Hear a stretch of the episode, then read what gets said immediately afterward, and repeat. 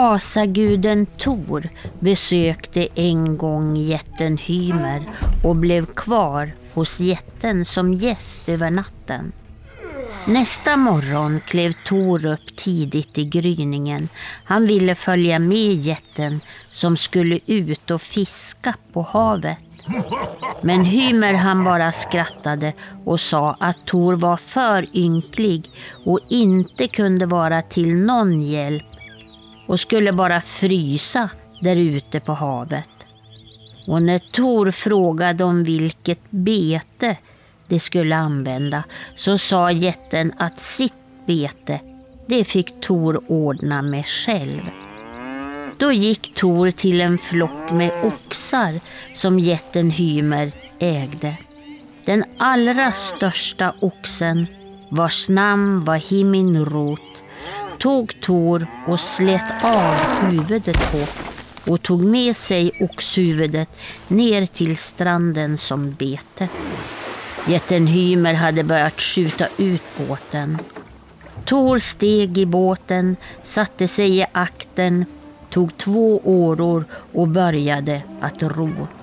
Hymer tyckte att båten fick bra fart av hans årtag. Så själv rodde jätten i fören och rodden gick väldigt snabbt framåt.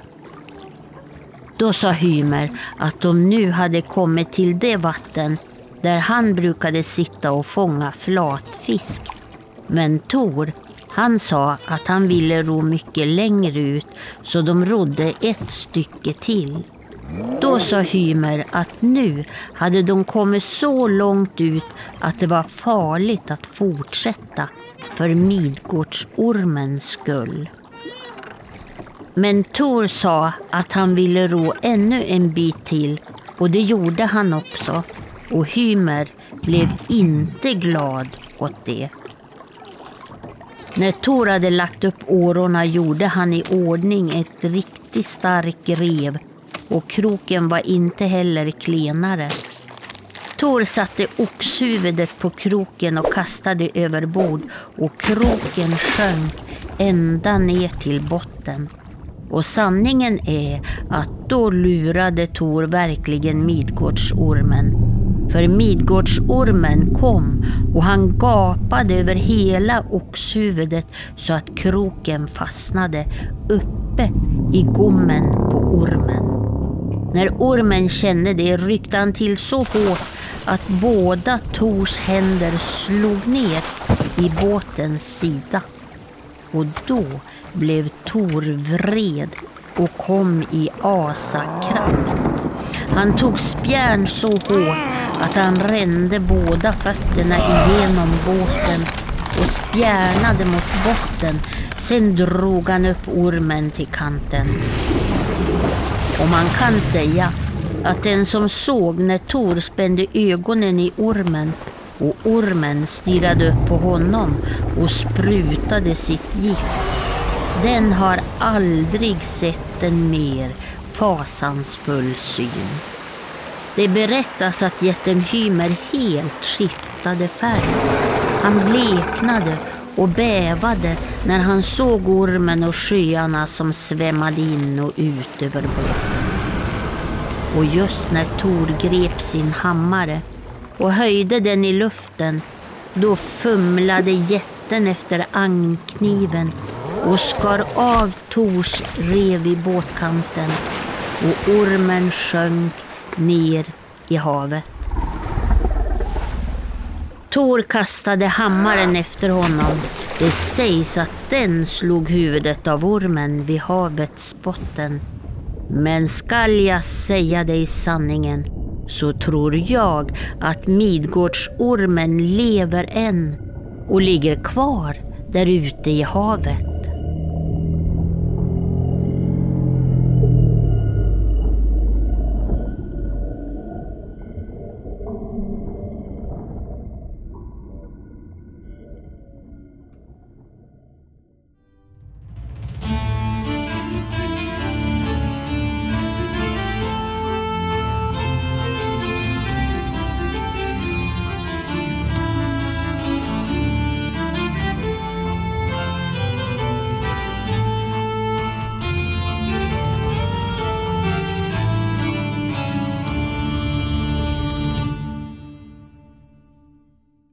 Hej och välkommen till När man talar om trollen med mig, Lars Wahlström. Och när jag var ung så då fick jag lära mig att eh, far är rar och mor är en orm. Eller så var det mor är rar och far är en orm. Jag tror att det berodde på vem av dem, om det var farsan eller morsan som eh, lärde mig det där tror jag. Men det är just det vi ska prata om idag och det är ju ormen i myt och folktro. Och en person som är här och hjälper mig idag är ju som vanligt Tommy Kosela, som är doktor i religionshistoria. Hej Tommy! Hallå, hejsan! Här i introtexten så fick vi ju höra en, en, ja, en riktigt spännande del ur en, en saga här om Tor, eh, där han mötte Midgårdsormen när han var ute och fiska. Va, va, vad är det här för typ av, av eh, berättelse? Det här kanske är en av de mest berömda fornnordiska myterna överhuvudtaget. Det är Tor som kämpar mot sin största eh, antagonist då, som är Midgård, Midgårdsormen, eller Jörmungander som han också heter. Och den här eh, ormen från början är ju, egentligen är det ju Loke som är far till eh, Midgårdsormen. Midgårdsormen Hel och Fenrisulven är ju hans tre barn då, så att säga. Ja, det är även Sleipner från annat håll då. Men, och det, i början när den här föds så är det bara ett litet yngel som eh, växer ganska snabbt och Oden kastar ut den där äh, i världshaven så att den växer och växer och växer så att den blir så stor till slut så att den eh, ligger runt hela världen liksom, eh, och biter sig själv i svansen. Och det här är en symbol som vi också känner igen i många myter världen över, som en Ouroboros, alltså någonting, ett orm som biter sig själv, så bildar ett evighetssymbol nästan. Och, och det här berättelsen, eller myten då, om Tor, det är ju det finns ju olika varianter, ganska många olika varianter skulle man kunna säga. Dels har vi ju, som vi hörde härifrån, en uppläsning från Snorres Edda från 1200-talet. Och det kanske är en av de kändaste då, eh, återgivna varianterna på fornnordiska myter. Och då beger sig Tor till en jätte som heter Hymer och, eh, och ska med honom ut och fiska och sen vill han längst ut till, världs, eh, alltså längst ut i världshaven och använder ett oxhuvud som bete och, och sen i den här kampen mellan Tor och ormen då, när han drar upp eh, ormen till, eh, till relingen på båten. Och så stirrar de varandra i ögonen och då, det är då jätten blir så rädd så han liksom skiftar färg, han blir liksom likblek nästan. Och det här är ju då en fruktansvärd syn och säger ganska mycket om ormens blick också. Och Tor samtidigt då eh, vill, vill slå ihjäl ormen, men då, jätten blir så rädd så han hugger av eh, agnet så att ormen sjunker ner till, till, till botten igen. Och Snorre berättar ju här att Tor kastar sin hammare efter ormen och en del säger att han träffar den och dödar ormen och en del säger att den kom undan. Och för Snorre själv, i hans sätt att beskriva eh, de fornnordiska myterna, så är det viktigt att ormen överlever.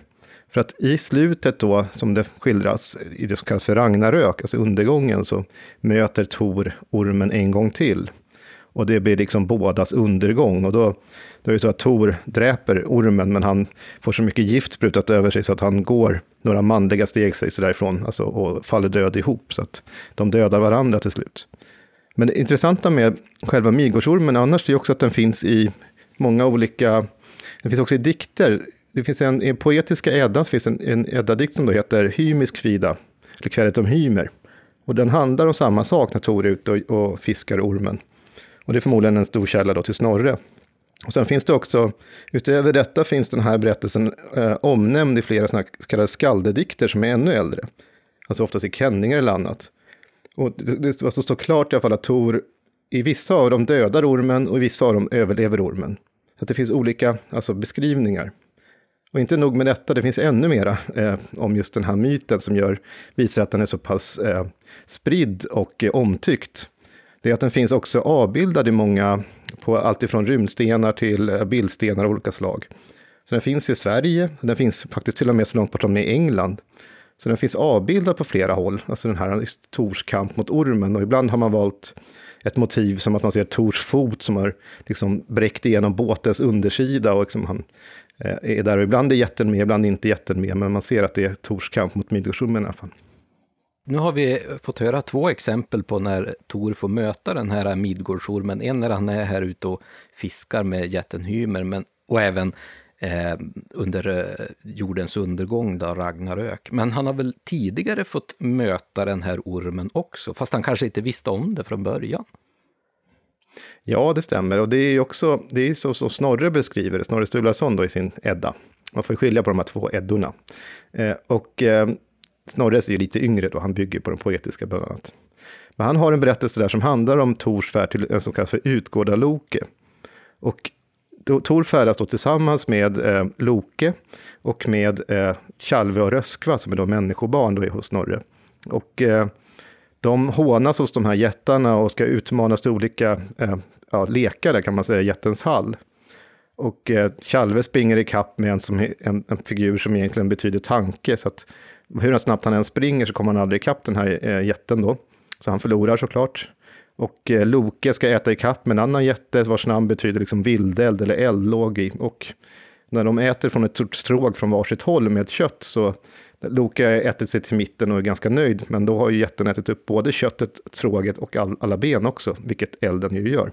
Så att eh, Loke förlorar också. Sen utmanas Tor tre gånger och ja, en av dem att han ska dricka ut viteshorn och då eh, dricker han och dricker flera gånger och kan liksom aldrig få det här att rubba sig. Bara liksom ytan på det här hornet som, som berörs. Och eh, ja, det, i slutändan visar det sig att han egentligen har druckit direkt ur världshaven och orsakat ebb i världen. Och sen så är det andra berättelser. Den andra utmaningen då är att han vill, han vill egentligen slåss, han är sur nu. Så att, men då får han eh, istället inte göra det, utan då tycker de att nej, du är för ynklig här, så att du får lyfta på vår huskatt. Så att det kommer in en katt.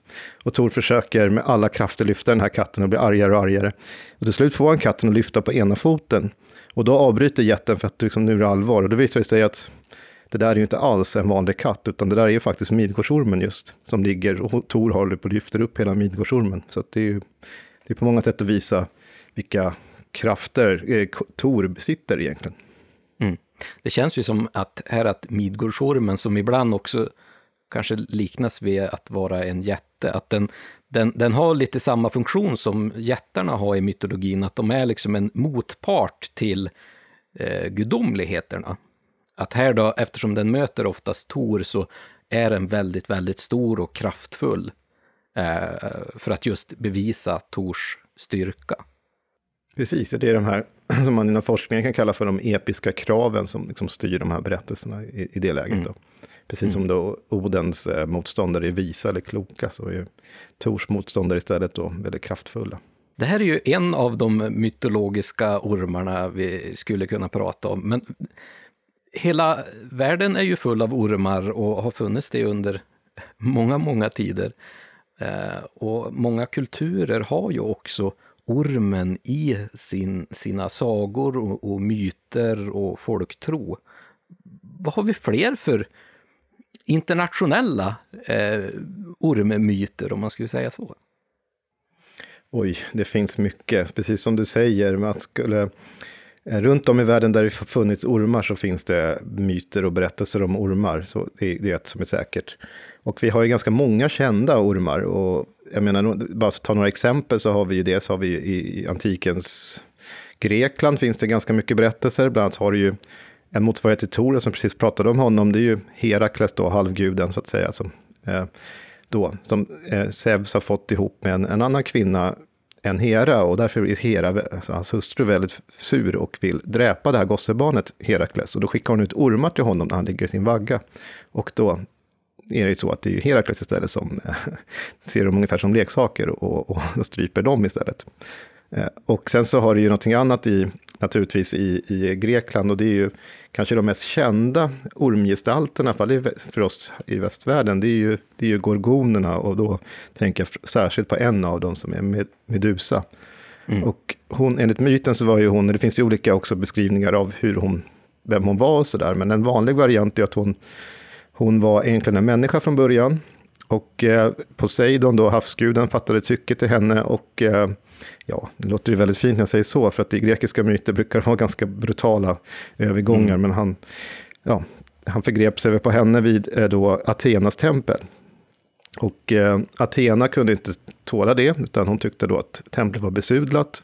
Så då straffar hon istället eh, den här kvinnan då, Medusa, så att hon fick det här ormhåret.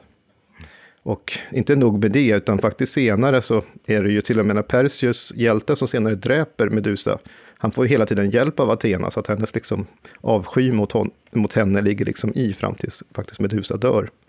Mm. Så det är väl kanske den kändaste eh, ormgestalten. Men så har vi också i, i då, från Kreta, finns det från ännu äldre då, alltså minoisk ormgudinna som är från runt 1500 f.Kr. En ganska känd figur som håller ormar liksom, i händerna. Så man vet inte riktigt vem det är och så säkert, men det är ju en slags ormgudinna av något slag.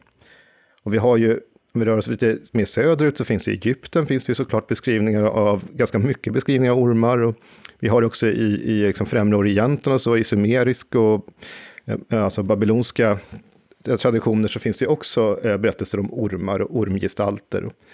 Rör vi oss vidare österut så har vi det i Kina och i Japan och i Australien finns det ormmyter, i, i i, eh, alltså bland eh, ursprungsbefolkningen i Amerika finns det ganska mycket ormberättelser, ormgudar och ormgestalter. Så det är något som vi absolut finner eh, världen över. Och många av de här, alltså världens olika ormmyter kan man egentligen, de, har, de samlas kring olika teman kan man säga då. Ett är också att de hör ihop med världshaven, hav på något sätt, alltså någon slags havsvidunder. Och där har ju Leviathan i Bibeln också. Och, och, eller du har ju Tiamat, eller du har ju då Midgårdsormen för den delen och de liksom ligger i världshaven. Och det har också ormens nära band till underjorden och det har också att de, ormarna kommer liksom ut ur ormjorden i sprickor i bergen och annat. Så liksom, de håller till under jorden så att säga. Och det har ju fascinerat människor, det har ju också ett viktigt inslag i de här myterna och berättelserna. Och det har ju också skapelsemyter där ormar figurerar som en del liksom av skapelser hos, hos en del folk. Och ormar kan också förknippas med visdom i många fall. Och det ser vi också faktiskt exempel på, som vi kommer komma in senare idag, på hur det ligger kvar även i bland annat nordisk eh, folktro. Och många ormar förknippas särskilt då kanske med, med läkedom, som ju också hör ihop med det här. Och här kanske jag också ska för säga, när vi ändå pratar om Grekland, att det kanske är en av de mest berömda ytterligare figurerna som har en orm, det är ju Asklepios, alltså läkedomsguden. Och kring hans stav som han håller i så är det en orm som har slingrat sig upp. Och vi i Sverige kan känna igen det där bland annat på att det är ett gammalt, gammalt symbol för apoteket också som var. Och det säger sig självt att ja. det är läkedomsguden med en orm. Och i många fall kan ormen också höra ihop med kaos eller en slags urkautiskt tillstånd och sådär. Så Mm. Det, det, finns, det finns gott om, om ormar. Och just det här med kaos kan jag, eh, då tänker jag förresten på eh, eh, Indien. Och då har du bland annat eh, gudinnan Kali i sin, sin liksom förstörelseform när hon dansar runt. Och då det, har hon liksom kobror hängande på sig. Och så, där, så det är en del av hennes attribut också. Så då har vi ytterligare eh, ormarnas eh, funktion, eller roll i det hela.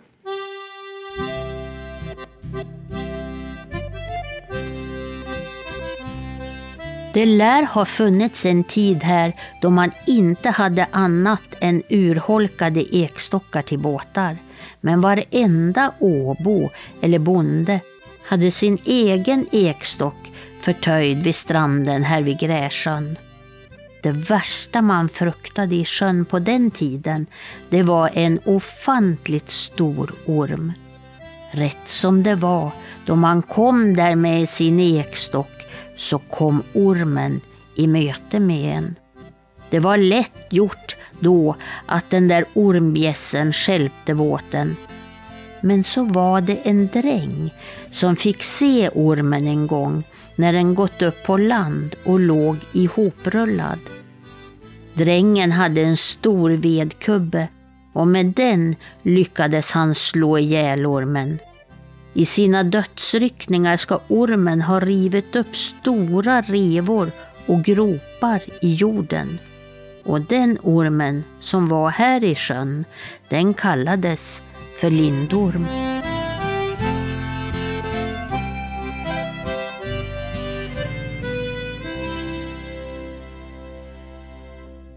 det är ju helt klart tydligt att ormen har liksom fascinerat oss sedan urminnes tider. Och vi skulle kunna göra många avsnitt om bara världens olika ormmyter som finns över hela världen. Men om, om vi tar ett steg tillbaka igen till vår nordiska mytologi.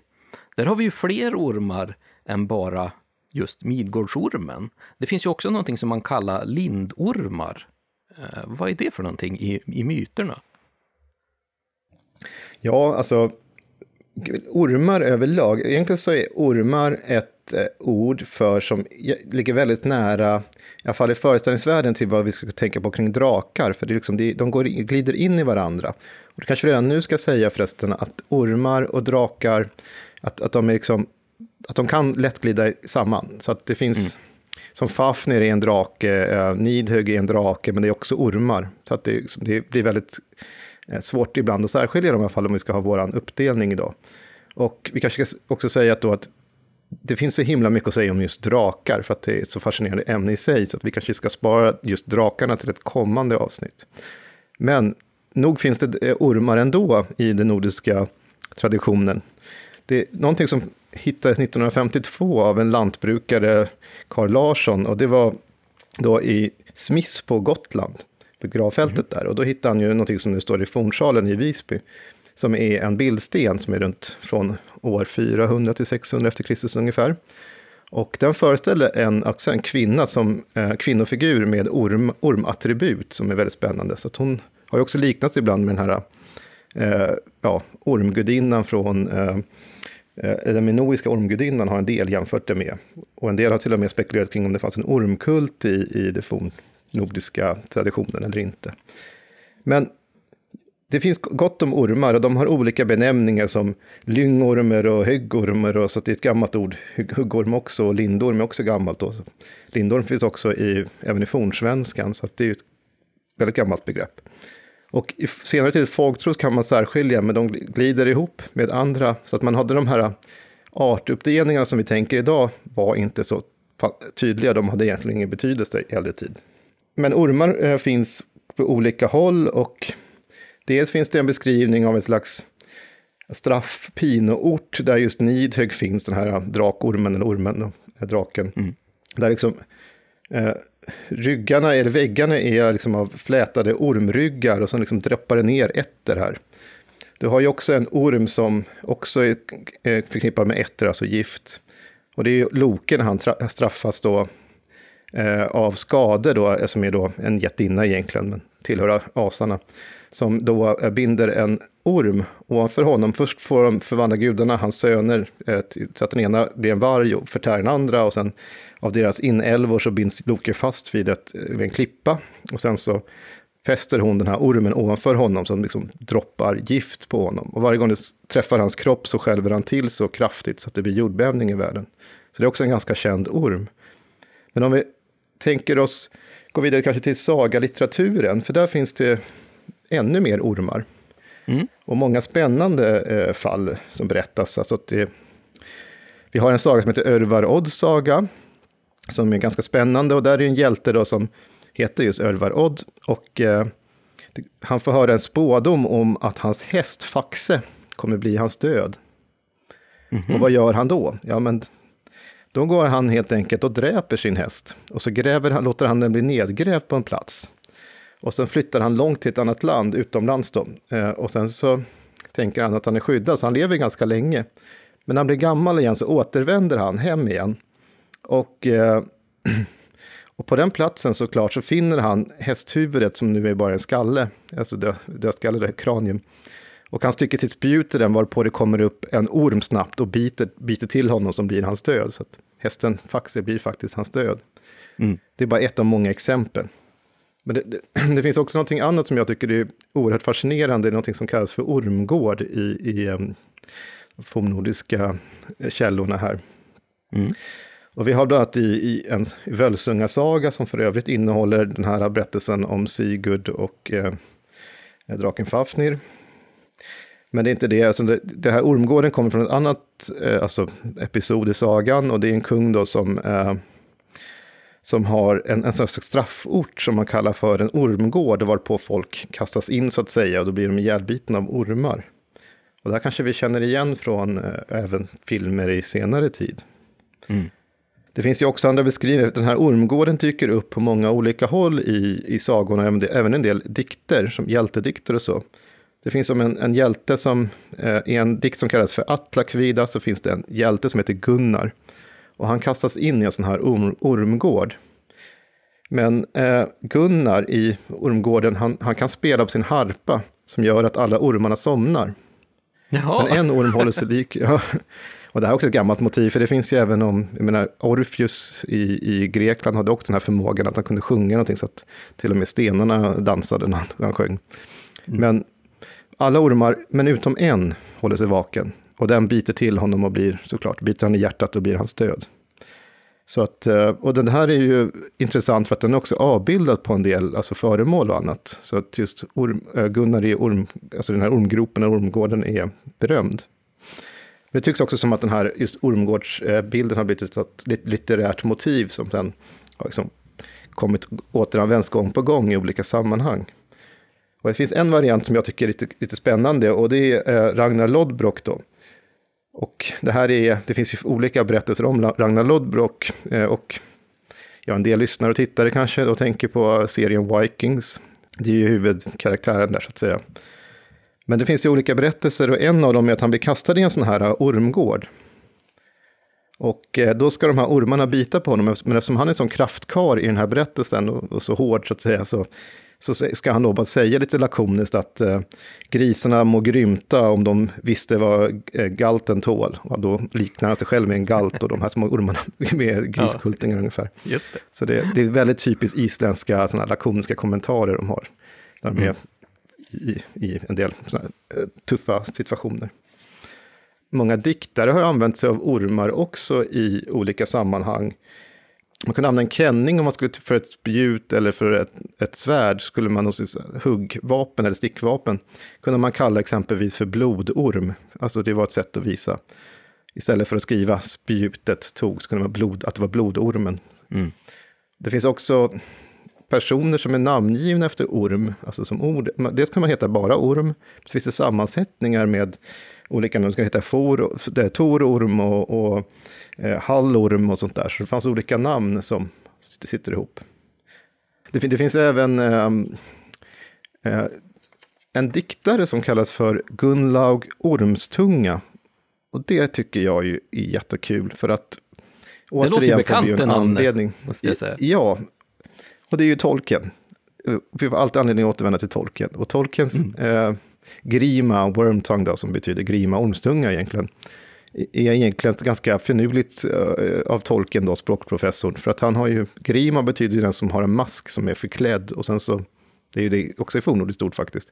Och sen har du eh, ormstunga med den som liksom har kluven tunga som kan verka både giftiga ord och på annat sätt. Och just i, i hans tolkens beskrivning av grima så är det ju, eh, wormtongue så är det väldigt ty tydligt vad han, att han liksom är dold och sprider gift med sin tunga nästan, med det han säger.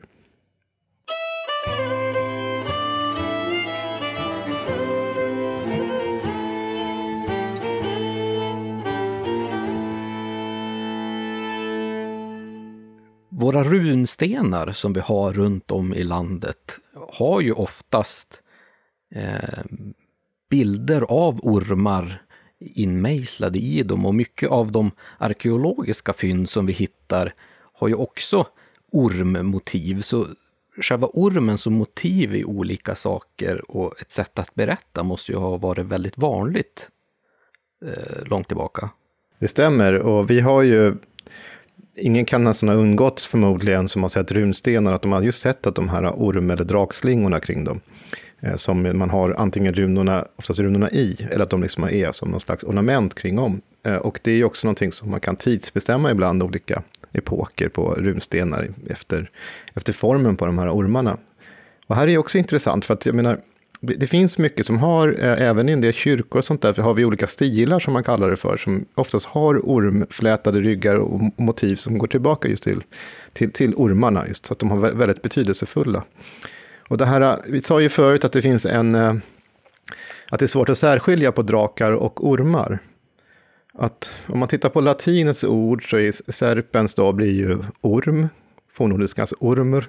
Och sen så har du ju, eh, eh, äh, vet det, draco, äh, alltså latinets draco är dreki på forn, västnordiska då, eller fornnordiska. Så att och de här två, de, de liksom kan bytas ut lite, sins, lite ibland, så det finns inga så klara gränser alltid. Det är därför exempelvis som vi tänker oss på vikingaskeppen då, så finns det ett av de kändaste, är ju eh, ormen Lange, så or, Långe Ormen egentligen. Och det är ju för att det är egentligen en drake då som man tänker, men att den heter ju Ormen då istället för draken. Samtidigt som det är drakskepp man pratar om, eftersom oftast det är någon slags figur i, längst fram i den också, som ett drakhuvud då. Eller ett ormhuvud, för man kunde blanda ihop det där.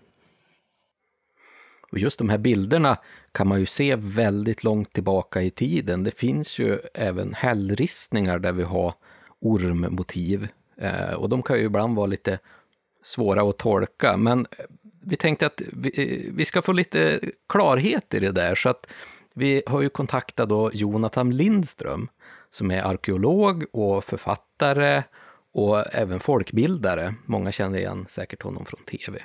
Eh, så vi slog honom en signal för att reda ut lite grann det här med om man kan, hur man kan tolka de här ormmotiven som vi har. Hej Jonathan! Vad va roligt att eh, få höras vid lite grann. Det är ju så här att här har vi tidigare pratat lite grann om avbildningar med ormen på både hällristningar och på våra runstenar.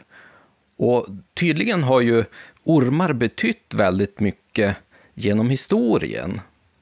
Och kan du berätta lite grann om hur du tänker kring just den ikonografi som är kring ormen i, i forntid? Ja, det, där, alltså det är jätteroligt att få den frågan därför att det här är, är ormar är, är i alla fall på bild, det är någonting som jag uppskattar väldigt mycket. Och, eh, det är så att när jag har jobbat med olika material, när jag skriver till exempel översiktliga populärvetenskapliga verk och så, då får jag en liten överblick över olika perioder och då ser jag någonting som, alltså, för det första så kan man konstatera att ormar har alltid varit eh, på tapeten eller på berghällen eller var det nu är någonstans. Man har alltid avbildat ormar i olika sammanhang. Och då, så eh, när jag tittar på det här så efter ett tag då när man samlar mycket material, då ser man att det finns mönster i bildmaterialet. Och det finns en hel del olika saker som dyker upp.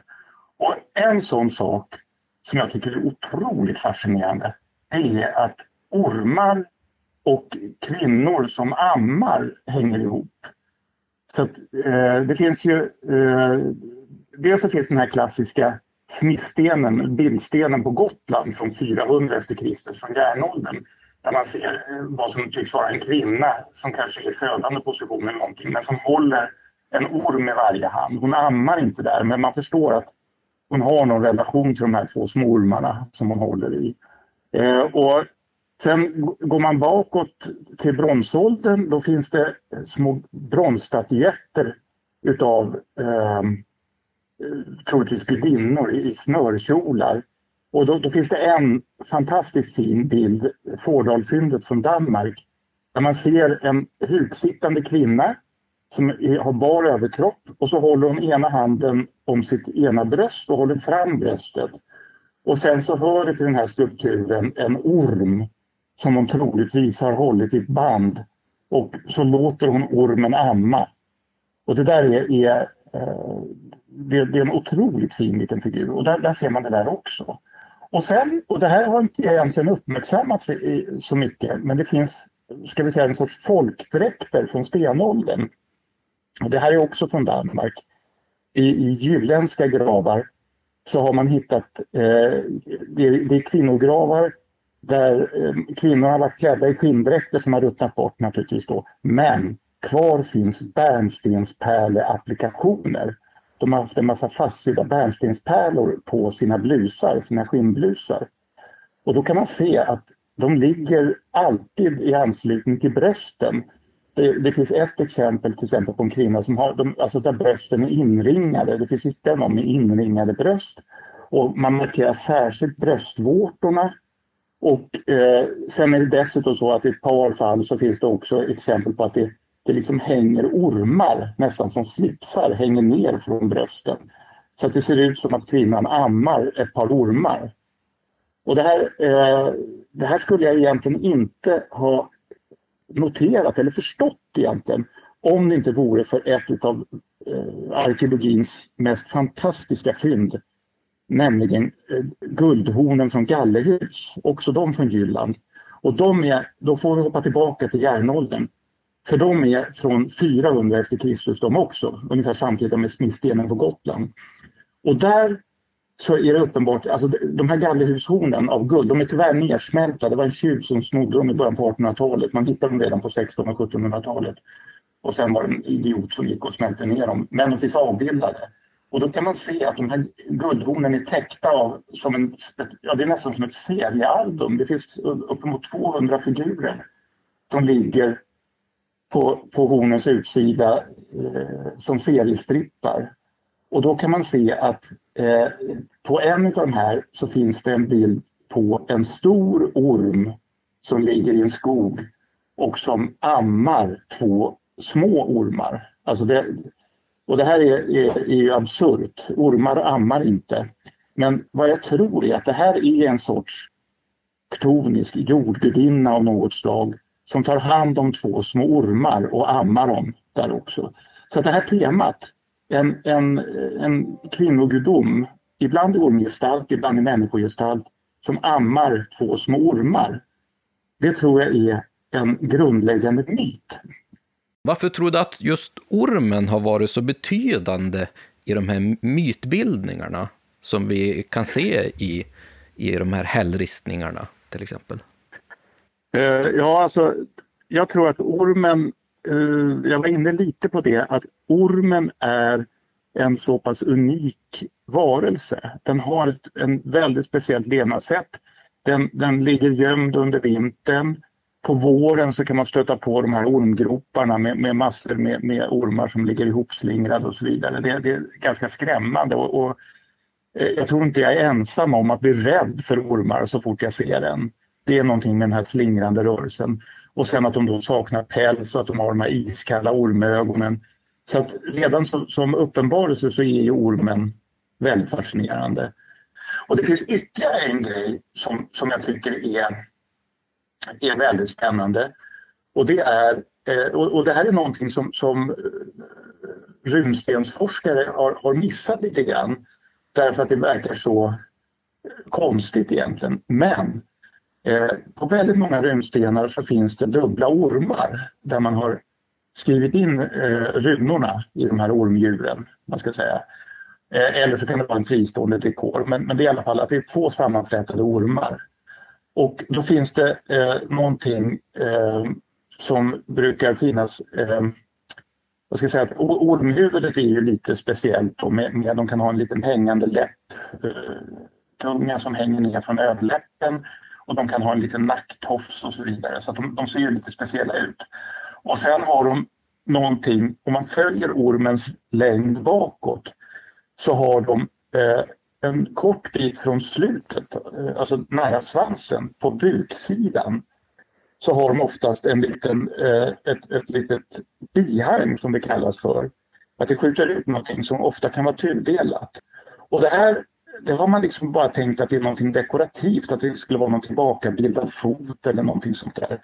Men då har man helt bortsett ifrån att ormar har någonting som kallas för hemipenis. Nämligen, en, alltså de har en penis som skjuter ut eh, i, en liten skåra på buken just på det här stället, som, på runstensormarna. Och som de använder när, när de då ska para sig. Och den eh, kallas för hemipenis därför att den är tudelad, den ser väldigt speciell ut.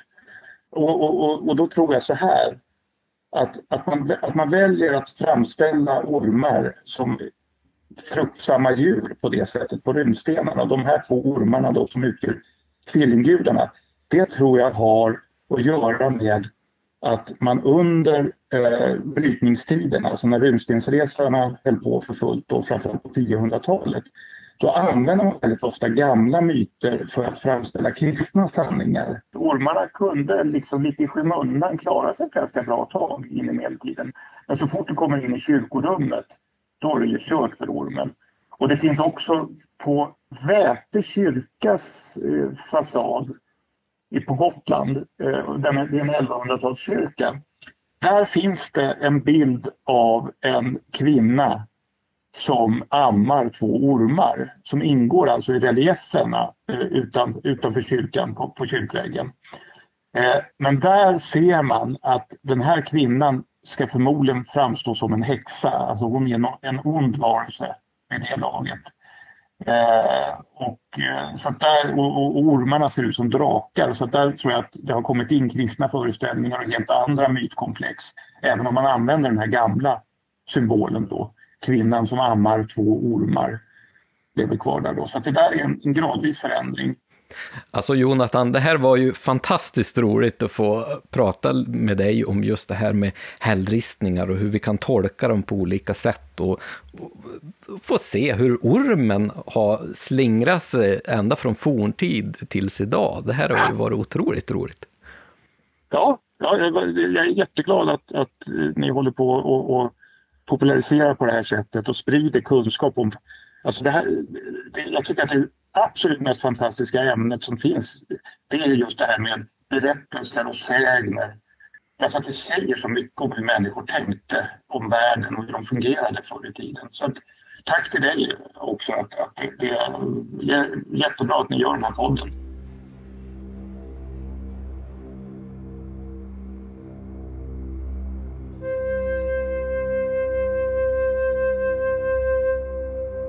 Ormen var listigast av alla de djur som Herren Gud hade skapat. Ormen frågade kvinnan, har Gud verkligen sagt att ni inte får äta av något träd i trädgården? Kvinnan svarade, vi får äta frukt från träden, men om frukten från trädet mitt i trädgården har Gud sagt, ät den inte och rör den inte. Gör ni det kommer ni att dö. Och ormen sa, ni kommer visst inte att dö.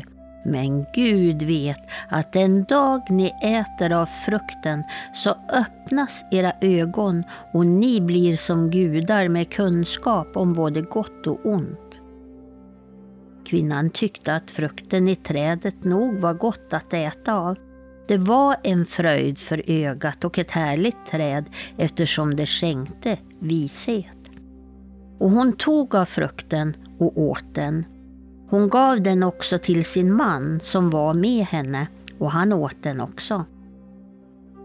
Då, då öppnades deras ögon och de såg att de var nakna.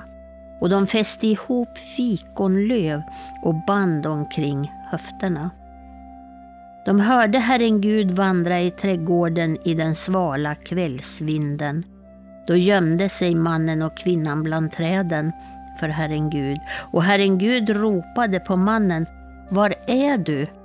Och mannen svarade, Jag hörde dig komma här i trädgården. Och jag blev rädd eftersom jag är naken, så jag gömde mig. Herren Gud sa, Vem har talat om för dig att du är naken? Har du ätit av trädet som jag förbjöd dig att äta av. Och mannen svarade, kvinnan som du har ställt här vid min sida, hon gav mig av trädfrukten och jag åt den. Då sa Herren Gud till kvinnan, vad är det du har gjort? Kvinnan svarade, det var ormen som lurade mig, därför åt jag. Då kom Herren Gud till ormen. Du som gjorde detta, förbannad skall du vara, utstött från boskapen och de vilda djuren. På din buk skall du kräla och jord skall du äta så länge du lever. Jag ska väcka fiendeskap mellan dig och kvinnan, mellan din avkomma och hennes avkomma. De ska trampa på ditt huvud och du ska hugga dem i hälen.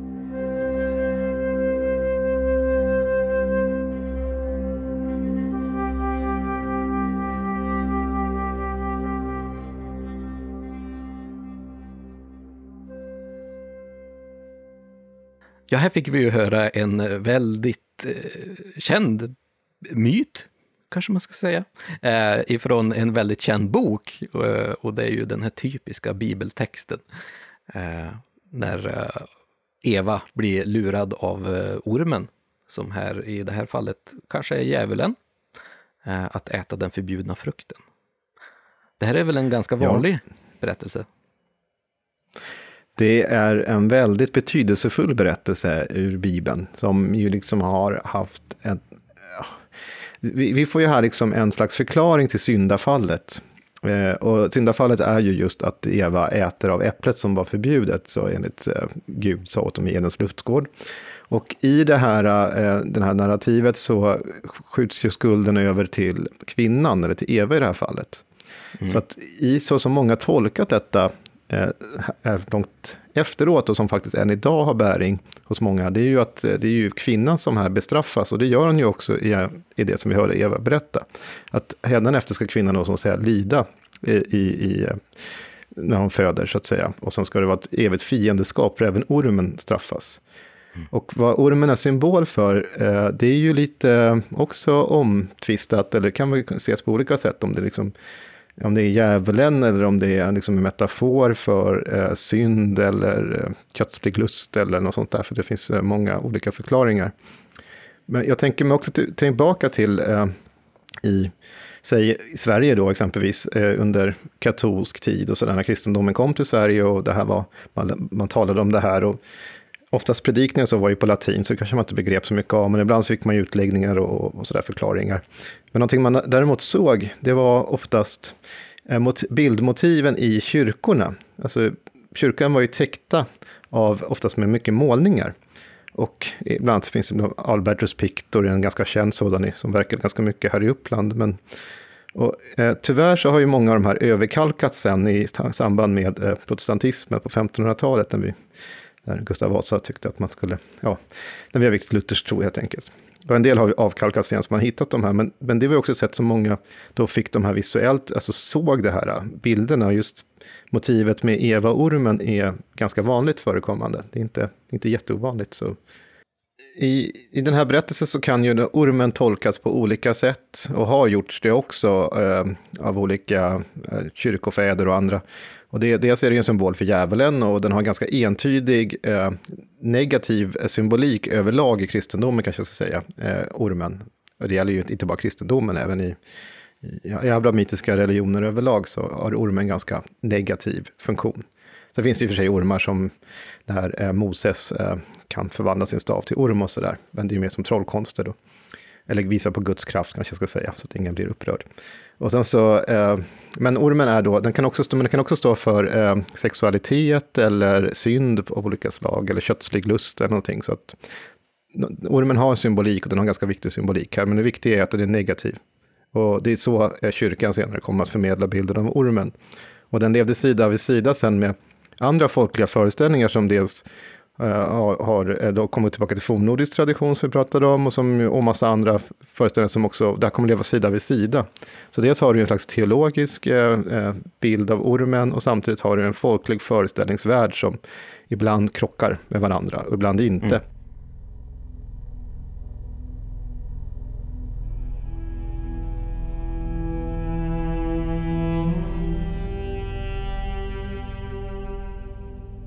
Så här berättar lantbrukaren Arvid Karlsson som var född år 1898 i Krokhult i Älghult socken.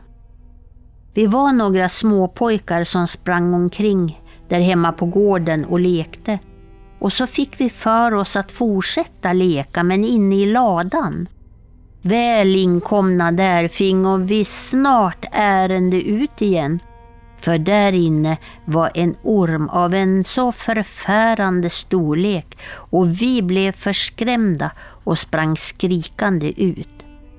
Men vi vore i alla fall nyfikna på att se vart ormen tog vägen.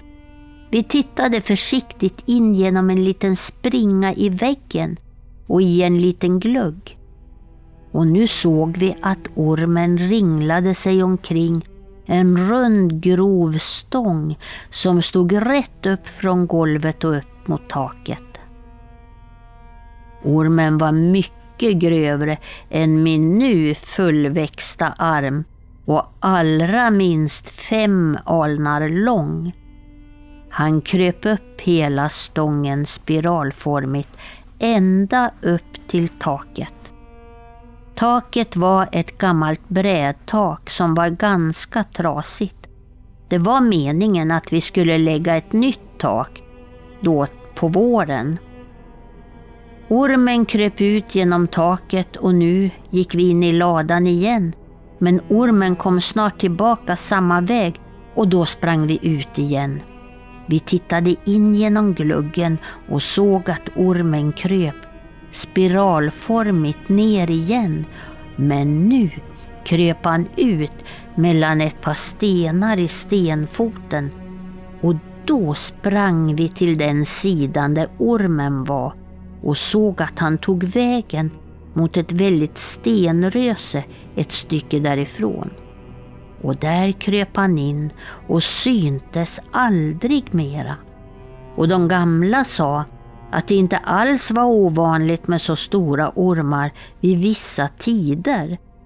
Det är onda makter som vid vissa tider kommer upp ur jorden där de annars har sin hemvist och de visar sig i ormskepnad.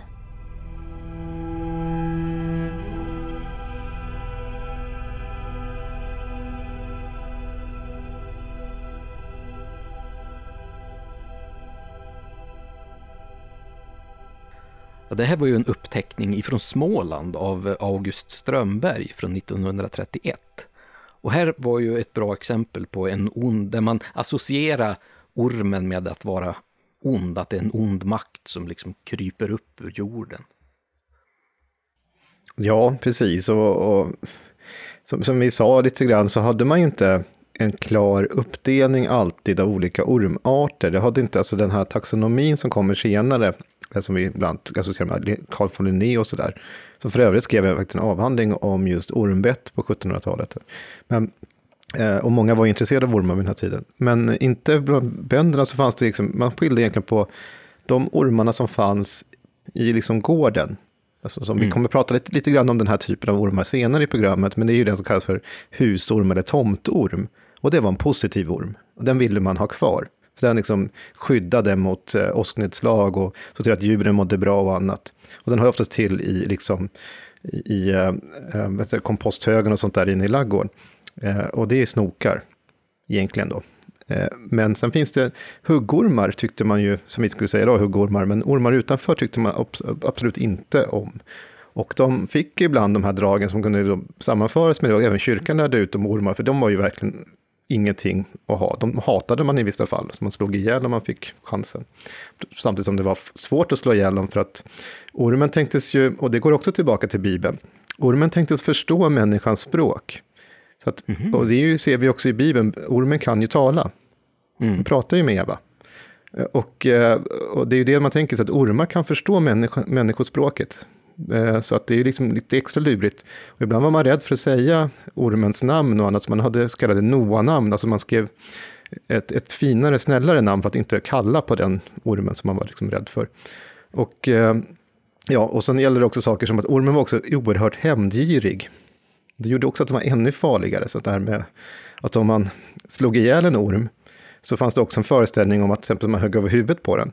Att ödlorna var där, de var liksom allierade med ormarna. Och ödlor och paddor och ormar och sånt där är ju kräldjur av olika slag, är också associerade med det onda, med djävulen. Så de kommer där och liksom reparerade, som en små, liksom, en ödleambulans som kommer dit körande. Och sen så liksom lappar ihop den här ormen. Så efter sju år och sånt där så återvänder ormen. Och då är den fylld av vrede och hämnd, så att då kommer den söka upp den som har dödat den och bita ihjäl personen. Så det, det, kan du göra, och även om du flyttar en lång, lång väg bort så kommer ormen söka upp dig dit också. Så det, det gäller att vara försiktig när det, man, hanterar ormar.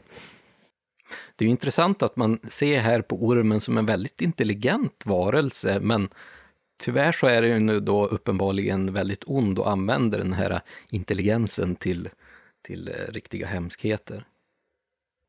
Vi ska säga det kanske nu i samband med det, för att vi nämnde tidigare lite grann om ormens blick.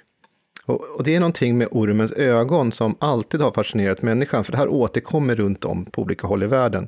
Och jag, jag som ju talar mycket för det fornnordiska, eftersom det är det jag kan bäst, men vet ju också att man eh, har jämfört bland annat i en del en, en yngling som hade, alltså en prins eller liknande, kunde jämföra sin blick med ormens blick och det var positivt. Alltså det var skarp, ah. klar blick som visar på alltså stridsför man mm. ungefär. Och samtidigt mm. var det just som att ormen ser inte ut att blinka, den har den här liksom, fixerade blicken och det, det har alltid liksom fascinerat människan på något sätt. Och även när Tor möter Midgårdsormen så är det blickarna när de möts som liksom är riktig kraftmätning nästan. Så. Du får jätten till och med och, ja, jag tänkte på att säga något riktigt dumt här, men vi, vi, vi är superrädd helt enkelt. Han ändrar färg där, eh, på ett sätt. Ja.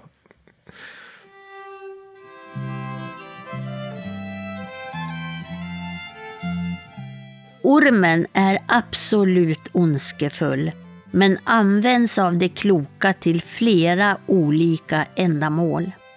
Än grävs ormen ner levande under en hästspilta eller ett kobås för att därigenom kunna häva förhäxningar. Än piskas ormen in i en bösspipa som blivit förstörd och mera dylikt. Ormskinn är även eftersökta av de kloka som begagnar skinnet till att röka ormbitna personer samt annat mera. Men piskas en orm eller pinas en orm utan att bli dödad, då kan den hämnas. Även om den måste söka upp den skyldiga människan i hennes säng till slut. Ormen har dessutom en maka eller en make som alltid hämnas på en fallen gemål. Det enda sättet att undgå denna blodshämnd det är att med en hasselsnoksunge rita en cirkel på marken. Så sätter man den snokungen i mitten och sedan stämmer man ormen till envig där på en utsatt stund. Sedan gäller det vilken av de båda fienderna som i rätta minuten infinner sig till platsen. Blir det ormen så slingrar han sig omkring hasselsnoken och då är motståndaren maktlös gentemot honom. Men lyckas människan först att bemäktiga sig hasselormsungen så dräpes ormen lätt eftersom den inte kan fly utanför sin cirkel. Om man slår en orm tvärs av utan att krossa huvudet, då kan huvudet fara in i en skor och bita i foten. Slår man ihjäl en orm med en vanlig käpp, då måste käppen grävas ner. Eljest får man ett sår i handen varje samma dag i månaden. Om en orm lägger sig på en väg och där lyckas kila ut och in genom alla fyra hjulen på en rullande vagn. Då kan han bita sig själv i stjärten och bli en julorm. Och den ormen kan rulla framåt med en väldig fart. Det är helt omöjligt att komma undan om man blir förföljd av en julorm. Dödar man en orm på själva långfredagen kan man använda den döda ormkroppen till att stryka över kreaturens ryggar och därigenom ge sin boskap trevnad. Skinnet från en sådan långfredagsorm är mera kraftigt och starkt än ett vanligt ormskinn och kan brukas till trollrökelse för att hålla skrömtet borta. Och om man bränner ormbenen till aska kan man ge askan till sin boskap och det kan vara ett gott medel till trevnad för kreaturen. Ormen föder fram sina ungar hängande på en trädgren. Den första ungen faller ner till jorden och är så full av ondska att han försöker bita ihjäl sina efterföljande syskon. Ja, skulle modern råka falla ner så vore ungen snart färdig att dräpa henne också. I svartkonstböckerna finns det åtskilliga besvärjelser emot ormbett.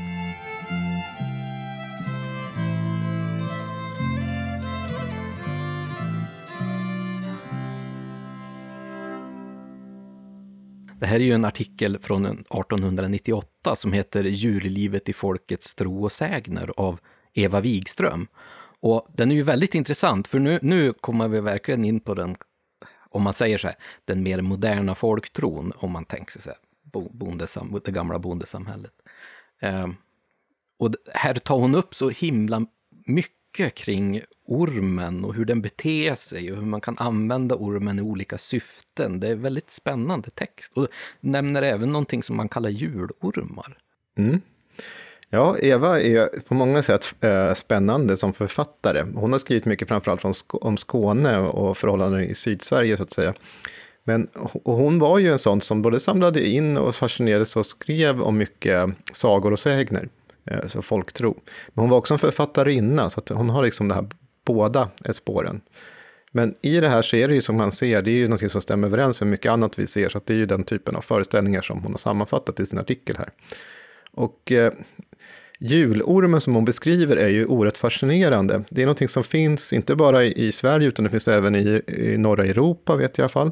Och det är en orm som, man ser ibland att ormen biter sig själv i svansen, och, och det bildar liksom en slags ring. Och i vissa fall så kan den här ormen rull, tänkte sig, rulla fram. Eh, så att, alltså därför, därav hjul som i hjul på, på en vagn eller bil. Alltså, alltså, ja, bilar fanns ju inte då, men som en vagn. Så att den rullar fram, så det är en hjulorm. Och eh, det här kunde den göra i en oerhörd eh, fart.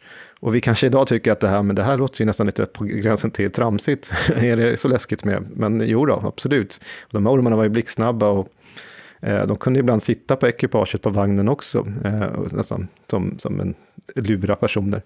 Och de kunde vara ganska aggressiva i vissa fall. Och de, de beskrivs ju på, i många olika, eh, på många olika håll, på många lite olika sätt.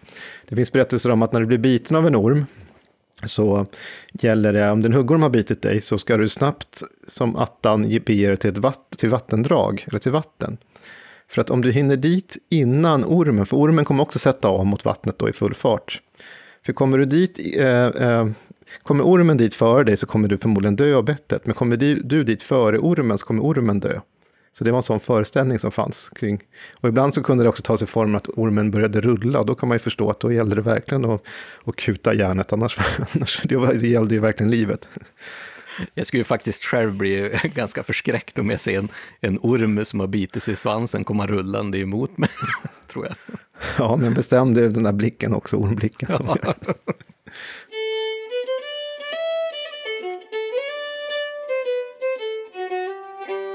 Julormar har de talat om förr. De var farliga, men det var inte lätt att komma undan en sådan orm. Han bet sig i skärten och så rullade han som ett hjul. Det var en gång en ryttare som var ute och red. Då kom julormen och julade efter honom. Men som tur var så svängde vägen och ryttaren han tog svängen han men ormen kunde inte följa vägen utan kom ut på kanten. Men då släppte han ut sig på längden och då vräkte han ner en hel gärdsgårdsräcka. De hade gator för gärdsgårdar på ömse sidor om vägen. Men det var en som var ute och åkte och hade liar i hjulen så de gjorde slut på julormen. De visste att julormen fanns där, men de måste ju fram. Så då hittade de på det knepet så de kunde få död på honom på något sätt. När vi pratar om just folktrons ormar, hur är det? Skiljer sig den eh, synen på ormen på ett annat sätt jämte den mytologiska ormen? Ja, det gör den ju, för att eh, i myterna så har du ju liksom en episk diktform så att säga. Då kan man kanske ge mer spelutrymme till hur de kan uttryckas och, och föreställas. Precis som, ja, det rör sig ju med gudar och annat, så att jag menar det är ju en fruktansvärd orm blir ju många gånger större än vad det kan bli i verkligheten. Alltså, säga. Sen folkströmsormar kan ju också växa till stora, eh, eh, bli ganska stora till dimensionerna och det kommer vi också höra mer exempel på. Men eh, jo, det finns, för att folktron har någonstans alltid eh, någon eh, gnutta av eh, iakttagelser och sånt som man har gjort i verkligheten, i naturen. Så det är liksom, man kan inte fabricera ihop vad som helst, så att säga, och kalla det, för det skulle inte accepteras i, i, liksom i, i, i gemenskapen, utan man måste eh, på något sätt, måste ju baseras på någonting som liksom är, låter rimligt och förnuftigt inom bondesamhällets eh, alltså, regler och ramar, så att säga. Och i berättelserna så är regler också.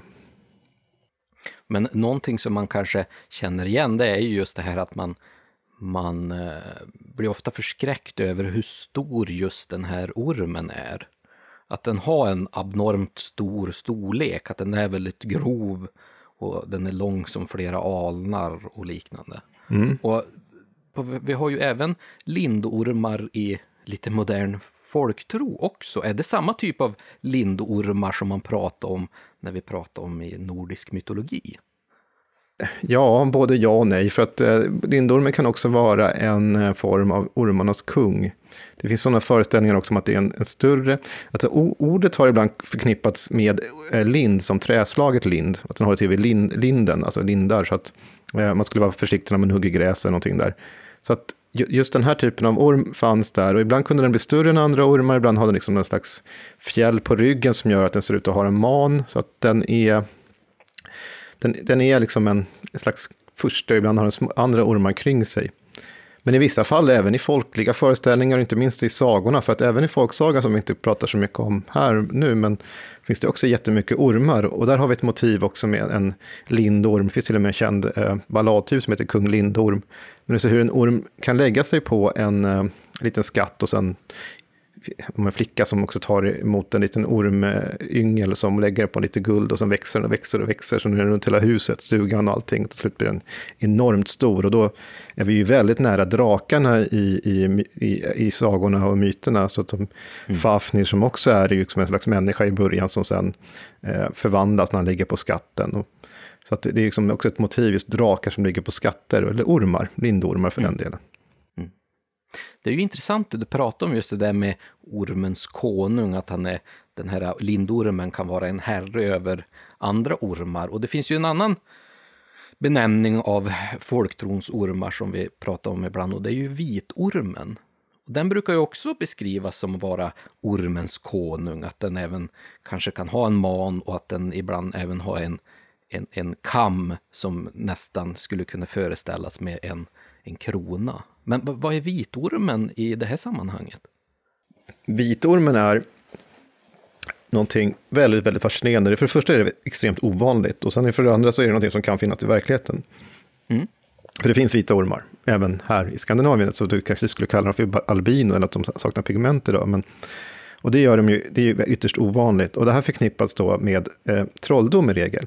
Så att den som har turen att hitta en sån här orm och på något sätt förtär kött eller skokar spad på den så, och, och smakar av det kommer bli klok eller se in i framtiden eller någonting annat. Och det här motivet går tillbaka också på långt tillbaka i tiden egentligen, men vi kan jämföra med fornnordisk eh, tradition och då har vi ju hjälten Sigurd som har dräpt draken som är då också slingrar sig fram som en orm eh, som heter Fafnir. Och eh, sen ska han steka drakens hjärta och eh, han ska känna sig för om det liksom är varmt nog och sen så får han lite, bränner han sig och får lite då fett från hjärtat på fingret, tummen och så suger han på den och då, då förstår han eh, fåglarnas sång som då blir tal för honom. Då hör han hur de liksom berättar om hur en person är på väg att förråda honom och så. Så att det där motivet kommer igen i de här berättelserna om vitormen. Och jag har faktiskt ett par exempel jag skulle kunna läsa upp om eh, vitormen här. Mm. Eh, som är lite spännande. Den ena är då från eh, Mariefredsviken då, från, från Södermanland. Och då, då står det så här i berättelsen, och det här är från eh, 1870-talet. Det hände en gång att en flicka fångade en vitorm, vilken hon tog med sig hem och lade i en gryta, som sattes på elden. Varefter hon lade locket på så att ingen skulle kunna se vad hon kokade. Men se, under det flickan en handvändning avlägsnade sig, avlyfte modern locket och då hon inte kunde urskilja vad grytan innehöll avskummade det ovanpå flytande fettet, vilket hon förtärde. När nu flickan kom in igen hade modern redan fått så mycket att de kunde säga till henne Flicka, du går med gossebarn. Där ser ni vad vid, vitormen kan få en att göra. Slut på citat. Och det där var ju då från Sörmland. Och det finns också en annan variant som berättar en hel del om bland annat olika ormar och hur de glider ihop med varandra från Östergötland. Och det här är också från ungefär 1870-talet. Och här kan man se, här står det då skrivet, eh, Och här är då en beskrivning om ormar. Och somliga säger sig hava sett ormar med man eller, eller kam. Lindorm tros vara en vit orm som härskar över andra ormar och ligger under en ek. Så här har vi ek då istället för lind. En sådan ek fäller ej lövet på en gång, så som vanligt. Av aktning för lindormen brukar man ej slå gräset under en sådan ek. Om man kan komma över en sådan orm, taga ur hjärtat och steka det, sedan göra det till pulver och giva en flicka så vinner man hennes kärlek. Det är vad de skriver om eh, just en sån eh, orm här. Och så står det också, det står lite om annat om ormar, så står det igen om lindormen. Lindormen kan, ej få, eh, kan, kan inte springa över snön. Så att eh, om man ska få tag på det ska man eh, koka den och dricka spat så kan man veta saker och ting, står det där. Så det, det, är också en sån här typisk, alltså lindorm, vitorm. Just här verkar det inte vara någon större skillnad, ibland är det en jätteskillnad. Och i många av dessa berättelser om vitormen så är det också en slags förklaringsmodell till som visar varför en person var klok, en klok gubbe eller klok gumma. Hur de hade kommit över sina alltså, extraordinära förmågor får man säga då, för att de kunde både trollformler och, och, läsa olika magiska ramsor och sånt där. Och, och så, ibland kunde de till och med se in i framtiden och så. så att, eh, det här var ju ett sätt att förklara som eh, då blir rimligt inom folktronsgränser vad, eh, vad som har gjort att de har fått de här krafterna.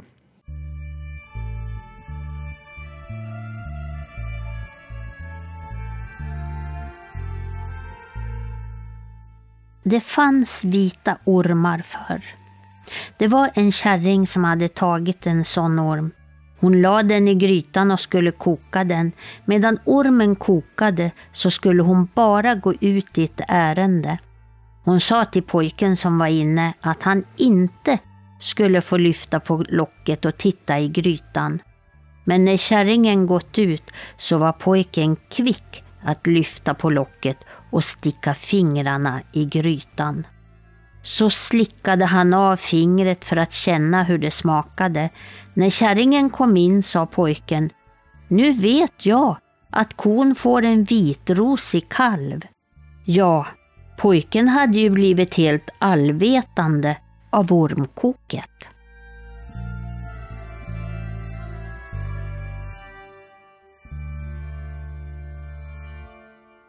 Alltså, eh, ormen verkar ju även ha kunnat användas i i läkekonsten hos de här kloka och gamla. Och då kanske är väl främst, främst giftet man tänker på att man tar vara på det. Och giftet i sig måste väl ha en, en stor inverkan också i de här berättelserna. Ormen tänktes absolut vara giftig och, och, det är lite bra att du sa det nu för att det har jag kanske inte nämnt att man hade inte samma föreställningar om ormen. Det var inte egentligen tänderna som, den, som giftet kom igenom, för det där visste man inte riktigt. Utan det var, man pratade om ormens gadd. Och gadd är inte i det här fallet eh, alltså tänderna, utan det är tungan. Ja. Så med de här två spetsen, spetsarna som går ut. Alltså man tänker sig att den sticker till med dem där. Och, och det mm. har man ibland förklarat, om man har sett ett huggormsspett så, så tänker man att det är tungan liksom som har där och snärtar till med giftet. Och eh, det är lite lustigt med det här för att det finns oerhört mycket läsningar eh, mot huggormsbett och så i arkiven runt om och i samlingar om folktro och folkliga föreställningar. Eh, och någonting man tänker på en klok som just kan läsa formler över ormbett, så är san sannolikheten är att en människa åtminstone överlever är ganska hög om man blir biten, även om man är ett huggorm. Man ska vara väldigt svag eller ha haft otur om man nu ska avlida av det. Så många av de här läsningarna fick ju alltså, lyckades ju helt enkelt. Och det gjorde ju att de liksom blev ännu starkare och befästa. Sen finns, sen, däremot kunde det gå värre för boskapen och djuren. Eh, det var, de kunde vara extra känsliga mot just ormbett, för att det är ju, om korna har stått inne hela, hela vintern och sen släpps ut på bete så var de ganska eländigt skick många gånger. Och det här har återigen, hur orättvist den låter, så är korna kvinnans eh, djur. Och den fick alltså sämst eh, eh då med foder. Jag har precis skrivit en artikel som kommer ut, eh, som bör kommit ut nu den här veckan då, eh, om eh, som är en, en antologi om eh, nötkreatur i kulturhistoriska perspektiv. Och det har skrivit om folktro om korn, kor. Och då har jag tittat ganska mycket på eh, sådana här föreställningar. Men Men då var det faktiskt en del som, eh, ja, just med ormbett som också kunde vara farliga och i en del fall ledde till dödsfall bland, bland djuren. Idag har vi också, eh, alltså, när husdjuren idag har vi också, eh, jag menar de kan ju också bli bitna av huggormar.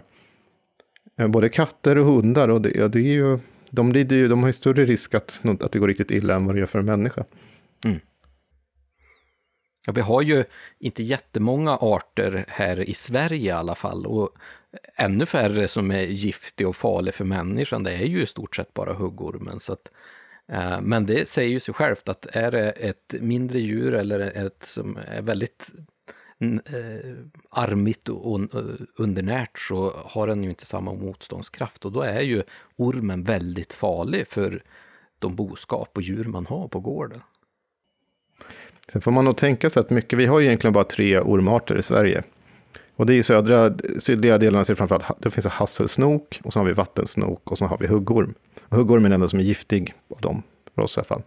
Och den här föreställningen om giftiga ormar, som ju egentligen bara gäller huggormen här, men vi får också i detta tänka sig att det, det kommer ju ett helt, alltså tankegods från, inte minst från antiken och annat håll, från, strömmar in från kontinenten. Och där har man ju helt andra beröringspunkter till giftigare ormar, inte minst i, typ i Indien eller i södra Europa eller i Afrika till och med.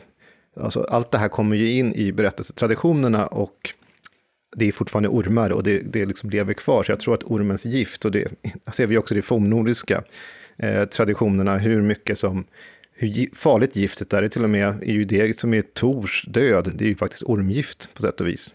Som sprutas över honom. Och vi vet ju också än idag att ormarna spottar ju inte ut gift på det här sättet.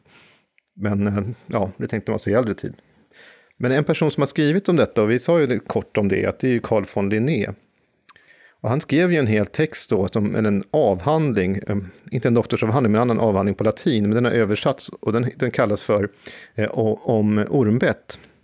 Och det finns en liten, lite passage i den som är lite intressant, som också visar på eh, ormens farlighet. Citat. För nästan hela människosläktet, liksom för övriga besjälade varelser, ter sig ormarna på grund av sitt gift och andra oförklarliga egenskaper som jäckar vår skarpsinnighet, så fasansfulla att de injagar fruktan även hos den järvaste, om det oväntat ringlar sig fram emot honom. Slut på citat. Så det här är liksom någonting som Linné skriver om också, eh, de, de farliga ormarna. Och det finns många innan honom på 1600-talet så också som är inne på just eh, ormgift och farliga ormar här i, i Skandinavien och Norden.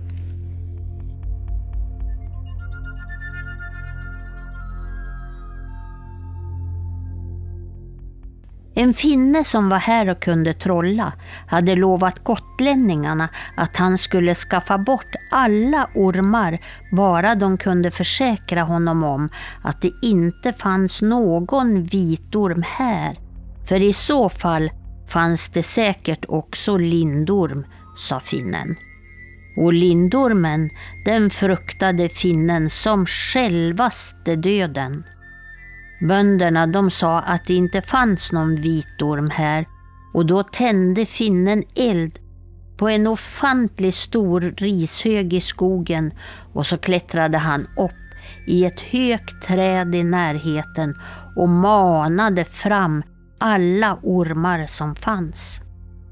Ormarna kom genast rinnande från alla håll och kröp in i brasan levande. Men slutligen kom, till finnens stora fasa, också vitormen och kröp in också han i elden. Då ropade finnen till bönderna som stod ett stycke därifrån. Se där kom ju vitormen, det kunde jag sagt mig förr. Nu är det förbi med mitt liv, för nu kommer snart lindormen efter. Och lindormen, tjock och stor som en sågbock, kom nu fram. Han slog med stjärten finnen ner ur trädet och hävde honom med detsamma in i elden. Till slut kröp lindormen själv in i elden och brann upp med de övriga ormarna.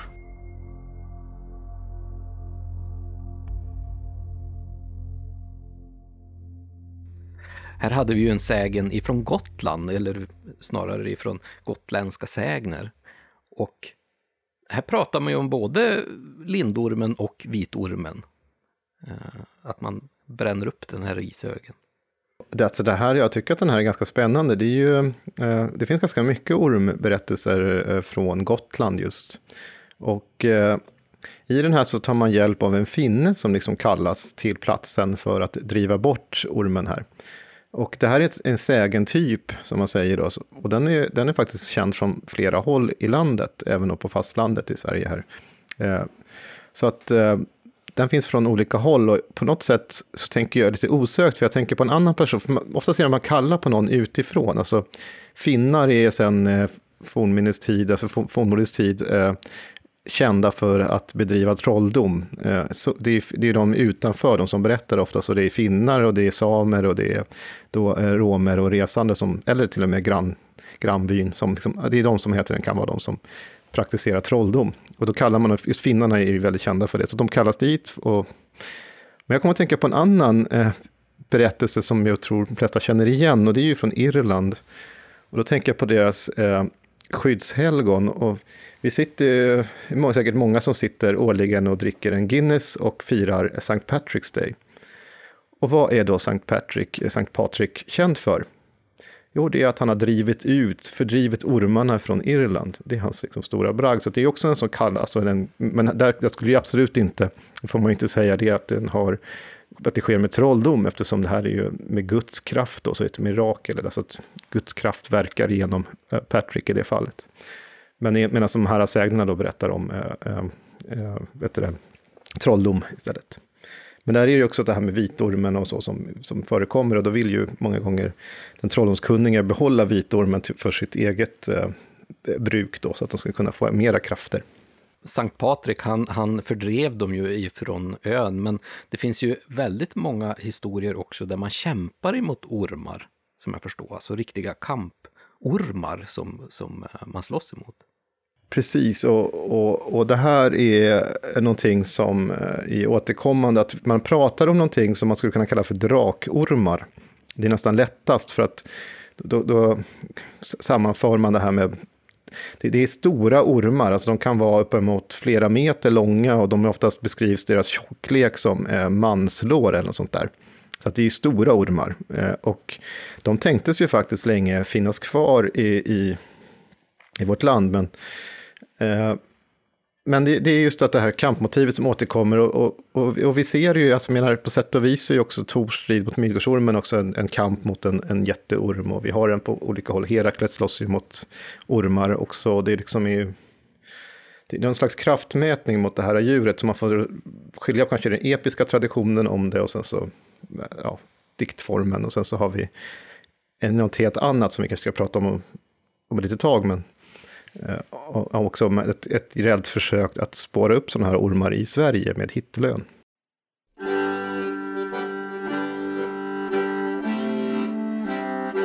Det var år 1874 eller kanske 1875.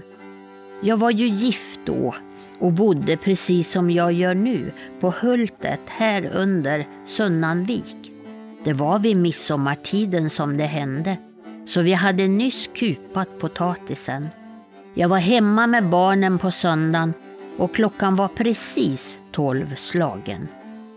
Då tyckte jag mig höra korskällor i skogslyckan vår och jag tänkte att kanske har Kräka från Hårestorp gjort ohäng på gärdsgården våran. Så jag gick ut för att se efter barfota som jag var och hade yngsta pojken med mig. När jag kom fram till skogslyckan, då ser jag stenröset som ligger där precis intill gärdsgården emot skogen. Och alldeles tätt invid röset och i skuggan från skogen ligger en ofantlig orm som var ringslagen hur lång den kunde vara, ja det kan jag inte säkert säga, men han var tjock som en grov krake när han sträckte ut sig. Till färgen var han mörk Men jag tyckte han hade två ränder där uppe på ryggen. Huvudet det var stort och brett och ögonen stora och hade samma färg som en uggla. Men eh, nu när drakormen fick höra mig komma gående och prata med pojken min, då började han väsa så högt och ur munnen stack en lång gadd fram, ut och in. Så reste han sig plötsligt upp till en höjd, ah, ja, vid pass fyra fot över marken. Jag var bara omkring tre famnar nära honom och jag blev så häftigt rädd och sprang och ropade åt pojken min att han skulle springa hem så fort han kunde. Men när jag hade hunnit ner om backen då vände jag mig om för att se vart ormen var. Och precis då slog han ner i marken och jag såg att han hade ljusare färg på undersidan på buken. Och så slingrade han iväg mot potatislandet som låg vid pass fem alnar norr om Röset. När hans huvud hade kommit in i potatisriset så var fortfarande bortre delen av hans kropp ännu kvar där borta vid Röset, vid gärdsgården. Så jag såg ingen ände på honom. Och sedan sprang jag hem. Att vart ord jag här sagt är sant, det intygar jag på min salighetsed, så sant Gud hjälpe till liv och själ.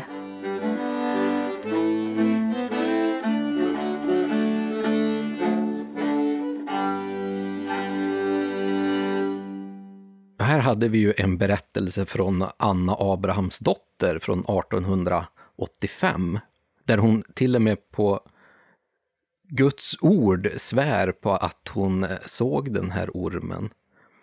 Och det är ju då eh, nedtecknat av Hylten Cavallius.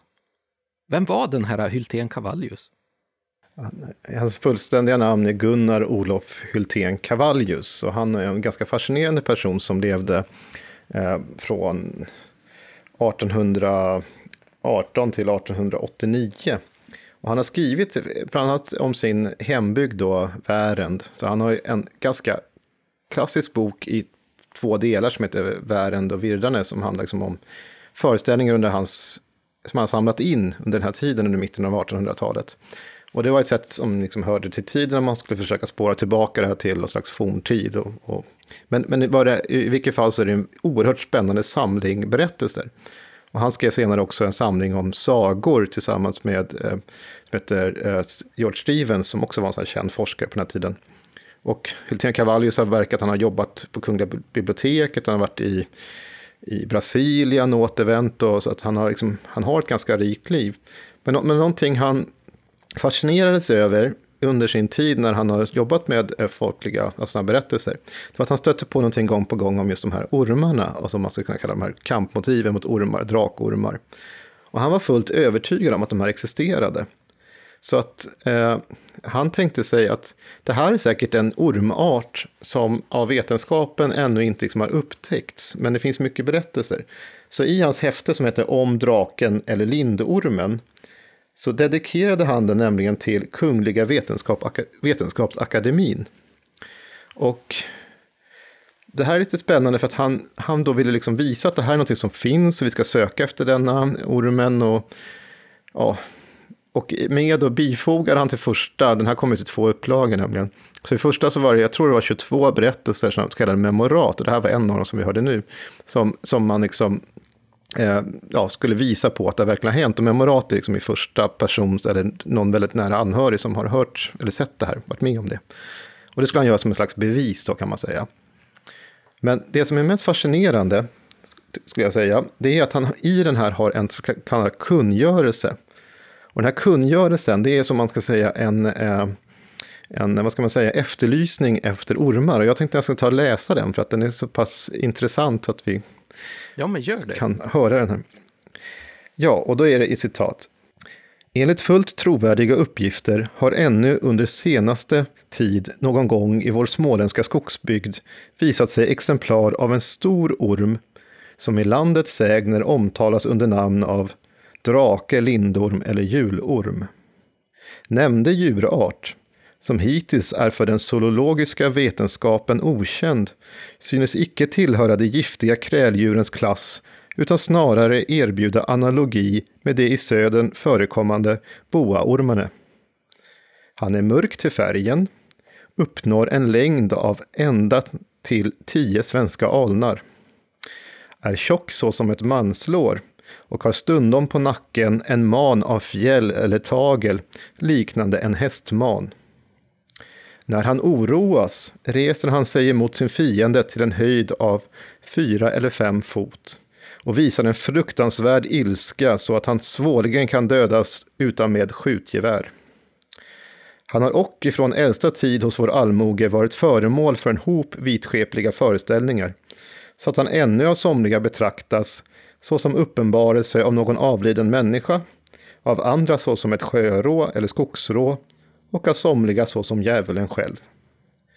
Om någon lyckas döda ett exemplar av denna sällsynta art och avlämna, avlämna detsamma på Sunnanviks gård, antingen i färskt tillstånd eller inlagt i brännvin, så undfår han en belöning av ifrån 100 till 1000 kronor i mån av exemplarets storlek och övriga beskaffenhet.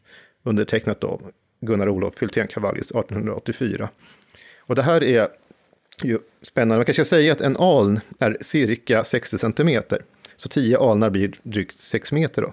Så att den kan, den kan bli så pass eh, stor, tjock som ett manslår igen. Och, och här hade ju eh, Gunnar Olof Hultén Cavallius hoppats på att eftersom de här berättelserna finns som folksvärd på heders och samvete, Sunnanviks gård är hans egna gård. Så han hoppades ju på att folk skulle komma och, och överhuvudtaget det här med att man ska lägga det i brännvin var i och för sig ganska också rationellt och sunt. Och mycket av det här talar ju också för det vetenskapliga språket. Han ville ju verkligen att han skulle bli tagen på fullaste allvar av Vetenskapsakademin här. Nu blev det ju inte så. Nu var det många där som tyckte nästan att det var lite fånigt av honom att göra det här. De, de, det här. Idag skulle vi kanske kunna säga att det här är ett form av ett försök i kryptozoologi egentligen, ett tidigt försök.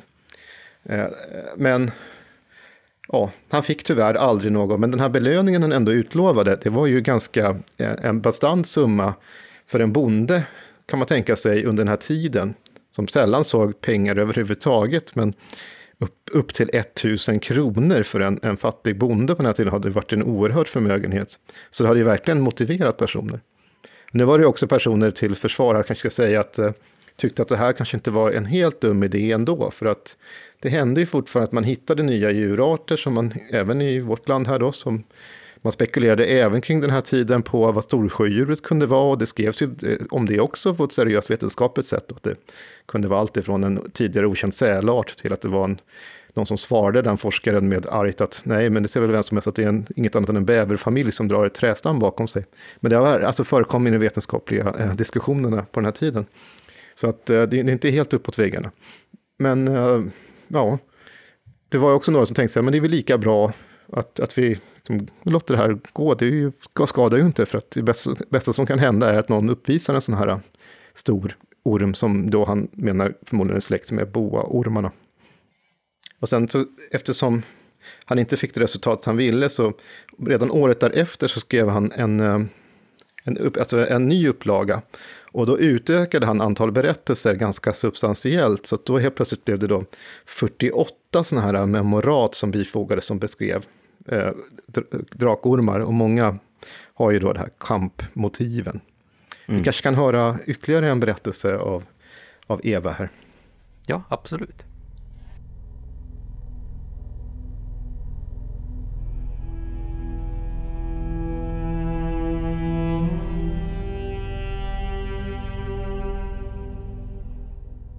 Omkring år 1820 avled en man vid namn Järmund i Klasentorp i Slätthögs socken. Järmund bodde i Skåningagård och en del äldre personer i socken här kommer ihåg honom fortfarande. Om Järmund finns följande berättelse om vars sanning vi är fullt övertygade.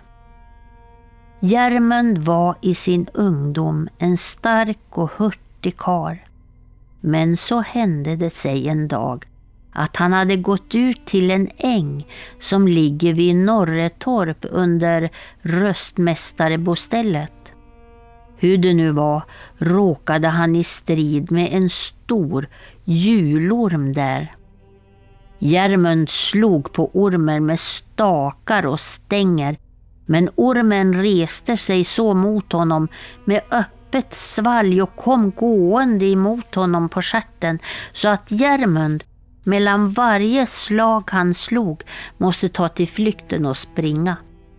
Så fort gick striden vid passen halvfjärdingsväg ända från Norretorp till Skåningagård och på den sista biten var mannen helt uppgiven av trötthet. När så Järmen kom springande in på sin gård, alltjämt med den förskräckliga ormen efter sig, ropade han på hjälp. Då hämtade gårdsfolket fram ett oxok åt honom, men det brast och gick sönder när han slog på ormen.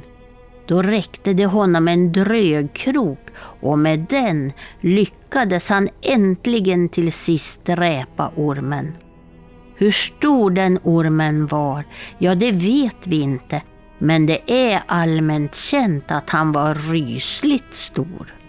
Ja, så stor att aldrig någon kunnat tro att en sådan orm skulle ens kunna finnas. Några säger att Järmund, han blev så hjärtskrämd att han efter den dagen aldrig blev sig riktigt lik. Vi har ju hört den här berättelsen av våra föräldrar och den är sanningsenlig. Vi har inte lagt till något eller tagit bort något. Detta intygas av Johannes Andersson och kyrkvärden Johan Magnus Nilsson och med Jonas Johansson som intygat vittne.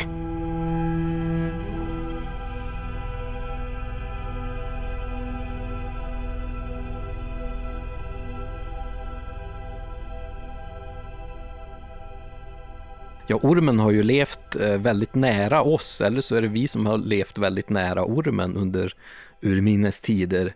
Och det finns ju även en slags sorts ormar som man kan prata om och det är just tomtormar eller gårdsormar.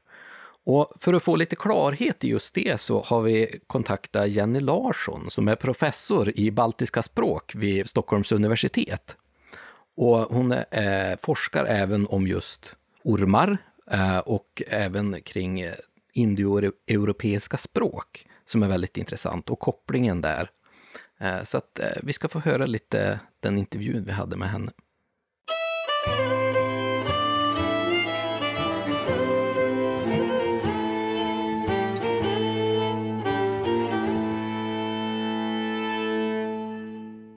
Ja, Jenny, du är ju professor i baltiska språk.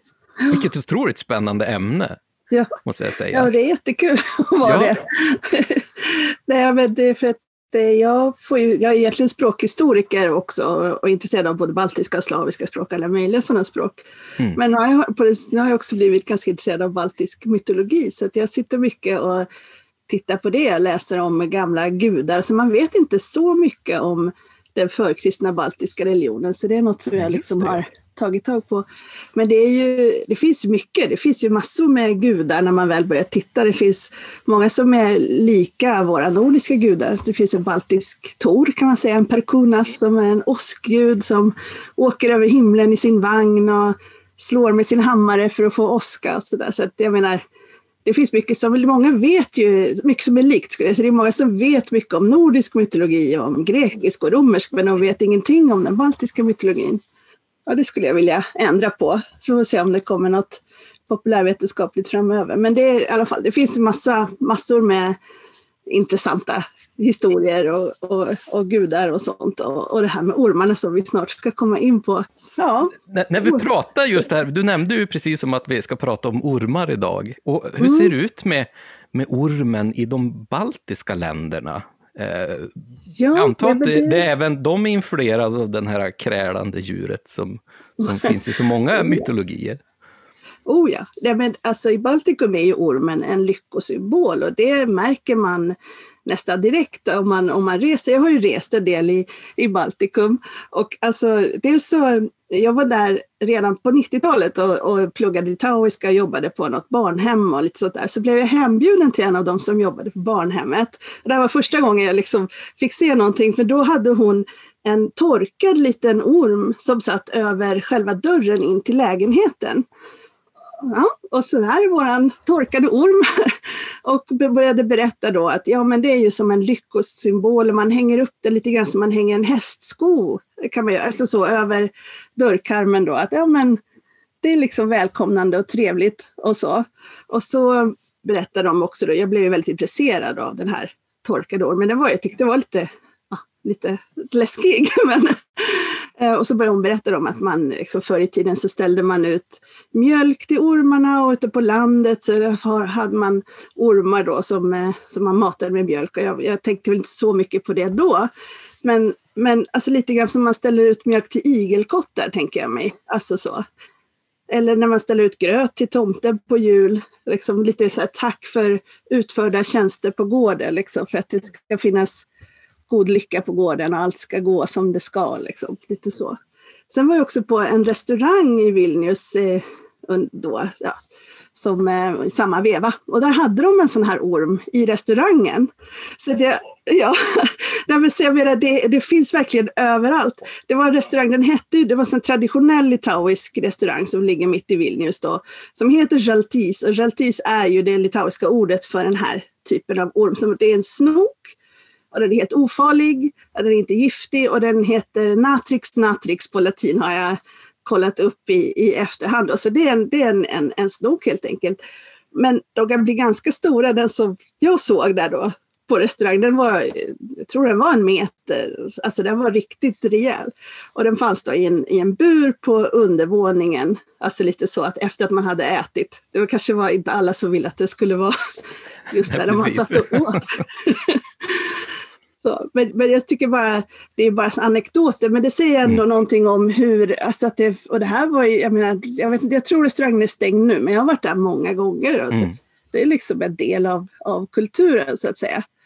Det är ju Eh. spännande för att eh, ofta när man tittar i, i dagens folktro kanske, eller i, i, i, i den kristna tron kring ormar, så ser man ju oftast ormen på som ett mer slukt och kanske ondskefullt väsen. Att det, det, det är den on- onda sidan.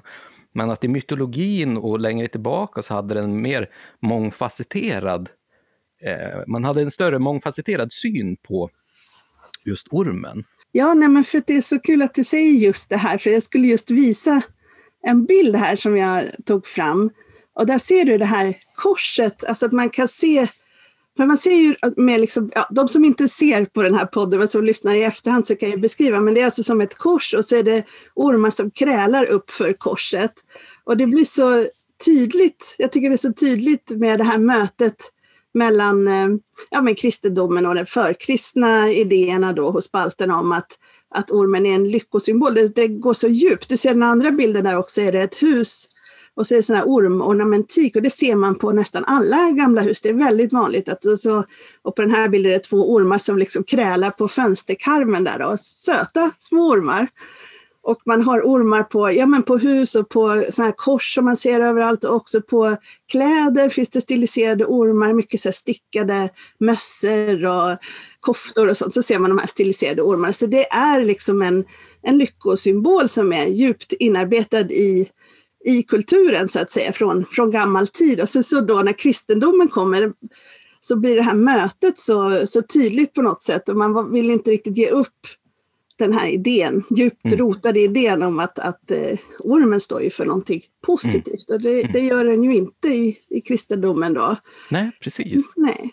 Och kristnandet av Baltikum var en sån här långdragen process. Eh, som det brukar vara, som det var här i Norden också, med att folk var väldigt långsamma att ta till sig den här nya religionen. Och, Den här traditionen, är det något som man kan se även utanför Baltikum?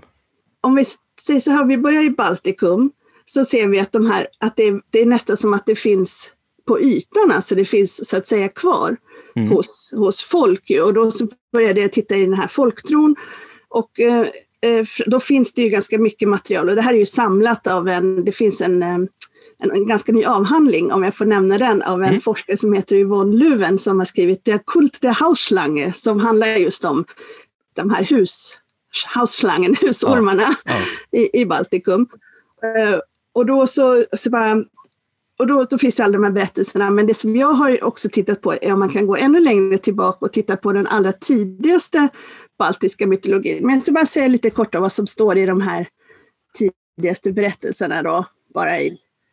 Eh, så att dels har du ju det här med att du har, det finns ormar som man har i ladorna och de är ganska tama. Det är mycket att barnen leker med de här ormarna. De är så pass tama. Och, och de skulle aldrig skada någon, de skulle aldrig skada ett barn till exempel. Och så. Och sen också att de, eh, en annan föreställning är att ormarna representerar de döda då. Så att det, det kan vara en förfaders själ i den här ormen. Och det är också en anledning till att man inte ska skada den och att man ska behandla dem med vördnad och respekt och så.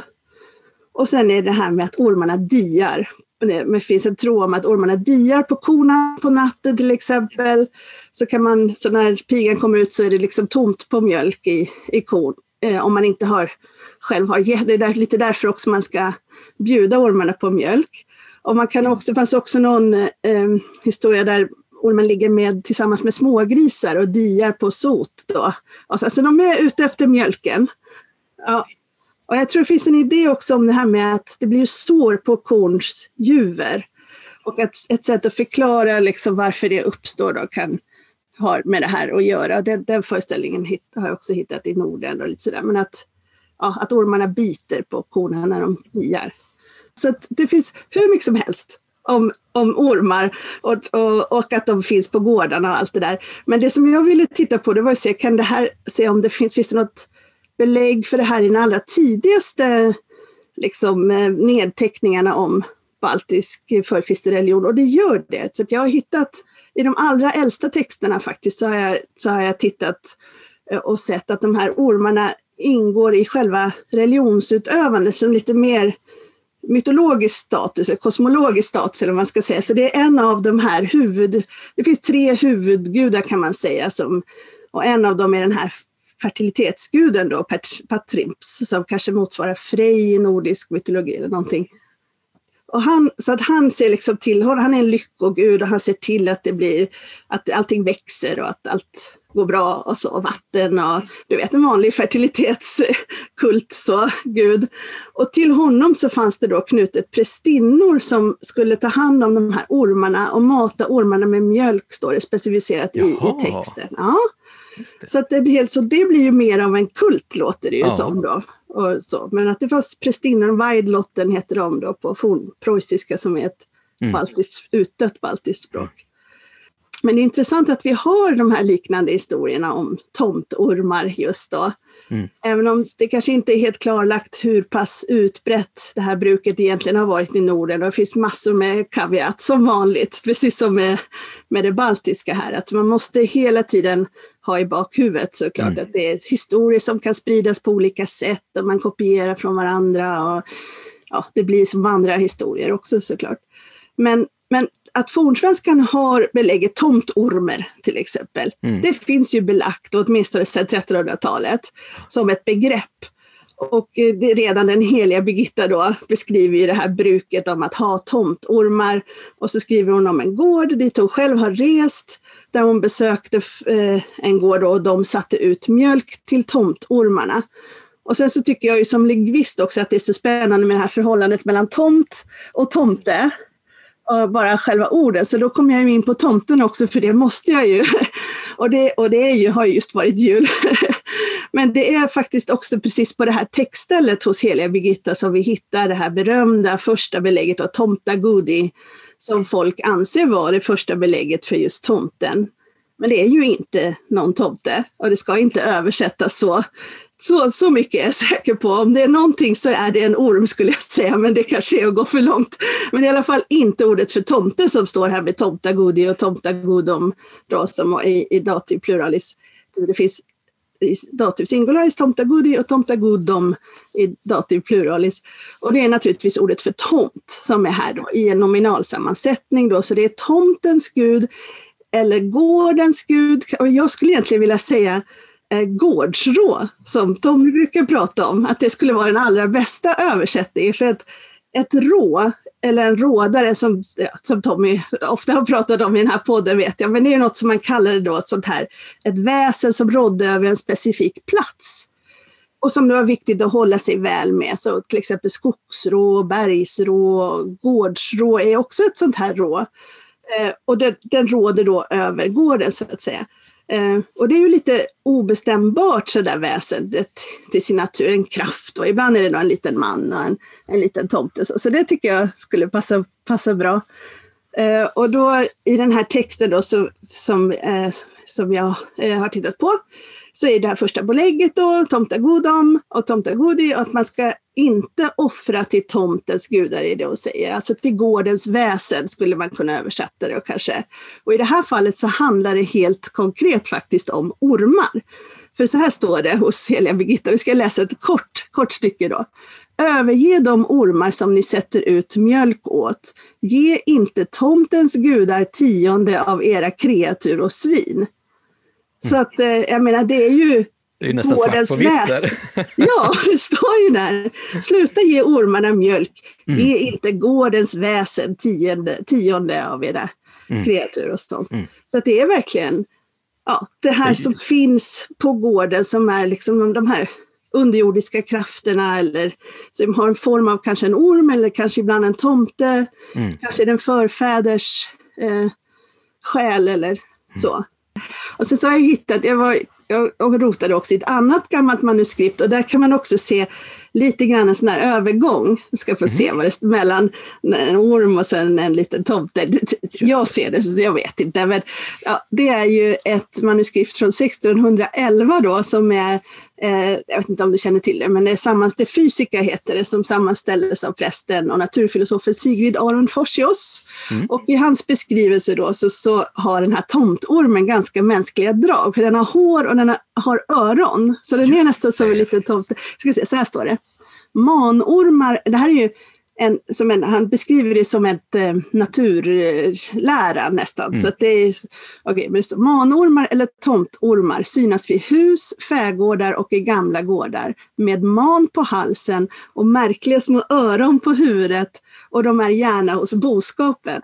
Så att här har ormen liksom fått lite hår och Ja, precis. Man, man ser en, en, en liksom svag övergång till till ett mer mänskligt väsen på något sätt. Ja, men det, det, det är nästan så, men jag, jag har inte tittat tillräckligt på det här för att kunna mm, säga det. Jag mm. såg en annan också där det står att då har inte jag tagit fram den, men äh, där talas det om att om det är den riktiga tomtormen så är den alldeles blå till färgen och den får ni akta er att döda. Alltså just så här att det kan vara tomtormen. Mm. Liksom. Så att det, mm. ja, det, det, det får mer och mer form, tror jag, av någonting speciellt. I det här Manums-manuskriptet, där står det också att, eh, att man matar ormarna med mjölk igen och att det betyder otur om man dödar dem och då kunde bästa djuret hitta stöd på morgonen. Eller i värsta fall då själva husbonden eller hans fru kunde hitta stöd. Så det, det är bara resten av den texten. Och Ingvar Svanberg har ju gjort en, en, en bok också grod, om groddjur och kräldjur och där hittade jag, ska vi se, eh, att det fanns uppteckningar där det beskrivs hur tomtormen kröp över hästarna så att de blev glänsande av trevnad och den flätade också hästarnas maner. Just det ja. Och det låter ju som tomte, det är ju tomtegöra. Ja, och som lön tog sig ormen rätten att diakona vilket också gav upphov till sårbildningar på juven. Och det, mm. Så det är precis samma som vi har i i Baltikum. Men, men, ja, men det intressanta här är just att, det, att, att folk själva gör den här associationen mm. mellan mm. tomtorm eller tomte. Och, så. Eh, och tomte är såklart också en avledning av någon form av tomt, alltså första ledet som är tomt, som mm. tomtegubbe eller någonting. Och, sen har man, och det är ganska sent, ordet, riktiga ordet för tomte är väldigt sent belagt, den avledningen. Mm. Ja, nej men så, då, så, så, så med de här orden då så kan man, det kanske inte låter som så mycket, men vi kan ju rekonstruera ett ord då som betyder kodiare eller den som diar på korna. Och just ja. det adjektivet eller det ordet har an, använts för ormar, och ormar eller olika kräldjur, lite olika, men framförallt ormar. Och det kan då spåras 5000 år tillbaka på steppområdena där hos i indoeuropeernas språk. Och det, när man hittar ett ord så säger det ju så mycket om föreställningsvärlden också. Man har ju inte bara, man använder ju inte, varför skulle de kalla en orm för en kodiare? Utan det säger någonting om att, de, ja, att, att det fanns en sån föreställning. Så, och det är ju väldigt ja, häftigt och väldigt gammalt. Ja, men det är ju och... jättehäftigt för att det är ju så få av våra nutida traditioner och folktroföreställningar, alltså troföreställningar, som man kan kan koppla så otroligt långt tillbaka i tiden. Liksom. Så det här är ju jättespännande. Och att det, det, det fortfarande kan, att det kan hålla kvar den här tron på att, att det finns tomtormar än idag. Liksom. Ja. Att det är en tradition som kan leva förhållandevis oförändrad under så otroligt lång tid. Det är ju otroligt spännande. Ja, ja. det är jättespännande. Men alltså, det här är spekulativt. Så det mm, vi har mm. är det här ordet och nu behöver vi ha arkeologiska data och vi behöver se, finns det några ormar och så i det arkeologiska data. Det verkar inte vara så många som har tittat på, på just det men i utgrävningar. Och det är mycket material som man bara lägger till sidan. Så, att, så att nu måste vi liksom återigen mm. öppna det här det får vi se. Vi kanske får återkomma någon gång framöver om vi får fram lite mer resultat. Absolut, det låter ju otroligt spännande. Vi kommer säkert att ha ett, ett kommande avsnitt eh, bara liksom om rådande väsen, så att eh, det, mm. det kommer att bli superintressant. Alltså. Då får vi ta upp det här med, med, med gårds, tomtormar i indoeuropeisk kultur. Alltså det är ju jättespännande. Det är så spännande, som jag sa, det är det enda vi pratar om här hemma ja. just nu. Det är så kul. Så jag är jätteglad att jag fick vara med. Jag ringde ju upp ja. Tommy och började prata om ormar mm. med honom. Mm. Och så var det precis att, att vi skulle göra det här avsnittet. Så. Men vad kul Jenny, det var jätteroligt att få prata lite baltiska och indoeuropeiska ormkulter med dig. Det här var ju ja. superspännande. nu har jag ju börjat lova en massa, så det får vi ju hålla. Nu får vi jobba hårt. Precis, vi får göra det. Mm. Hörru du, tusen tack Jenny. Vad roligt att du var med. Tack så mycket. Tack så du ha. Hej då. Hej då.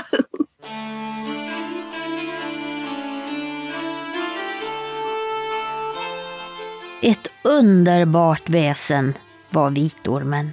Vitormar kallades för visdomsormar.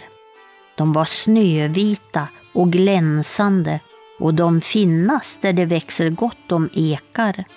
De vållar ingen skada, utan tvärtom. Kloka gummor brukade koka sådana vita ormar. Den som sen såg över ångan av den kokade ormen den troddes få en hemlighetsfull visdom. En gumma hade en dag funnit en sån där märkvärdig orm och gick genast hem för att koka den. Men då hon var sysselsatt med det kom en liten flicka på besök. Tösen trodde att gumman höll på att koka någon läckerhet i grytan så hon doppade en liten brödbit i spadet och till gummans förargelse fick då flickan hela visdomen och den gamla måste ge sig ut och söka efter en ny vitorm. Men om hon hittade reda på någon ny visdomsorm, det är jag inte bekant med.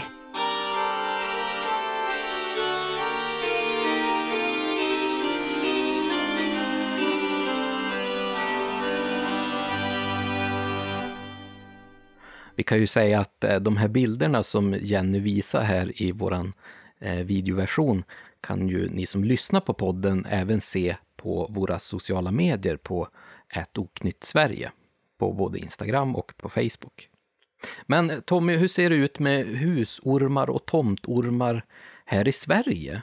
Har vi några sägner kring det och berättelser? Vi har massa material om sådana. Och det, det, är så roligt, alltså det äldsta är ju, det är ju medeltida, det är ju heliga Birgitta. Och vi pratade lite grann om eh, gårdstomtar och sådär, som om tom, tomtagud. Och sen ställer ut mjölk till, eh, till, till, eh, också till ormar.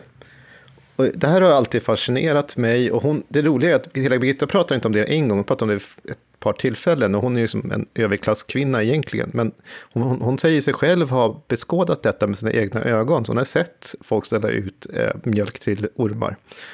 Och det här är en föreställning som finns då att kring eh, gården så är det ett särskilt, eh, en särskild orm som har eh, alltså beskyddande eh, verkan enligt folktron.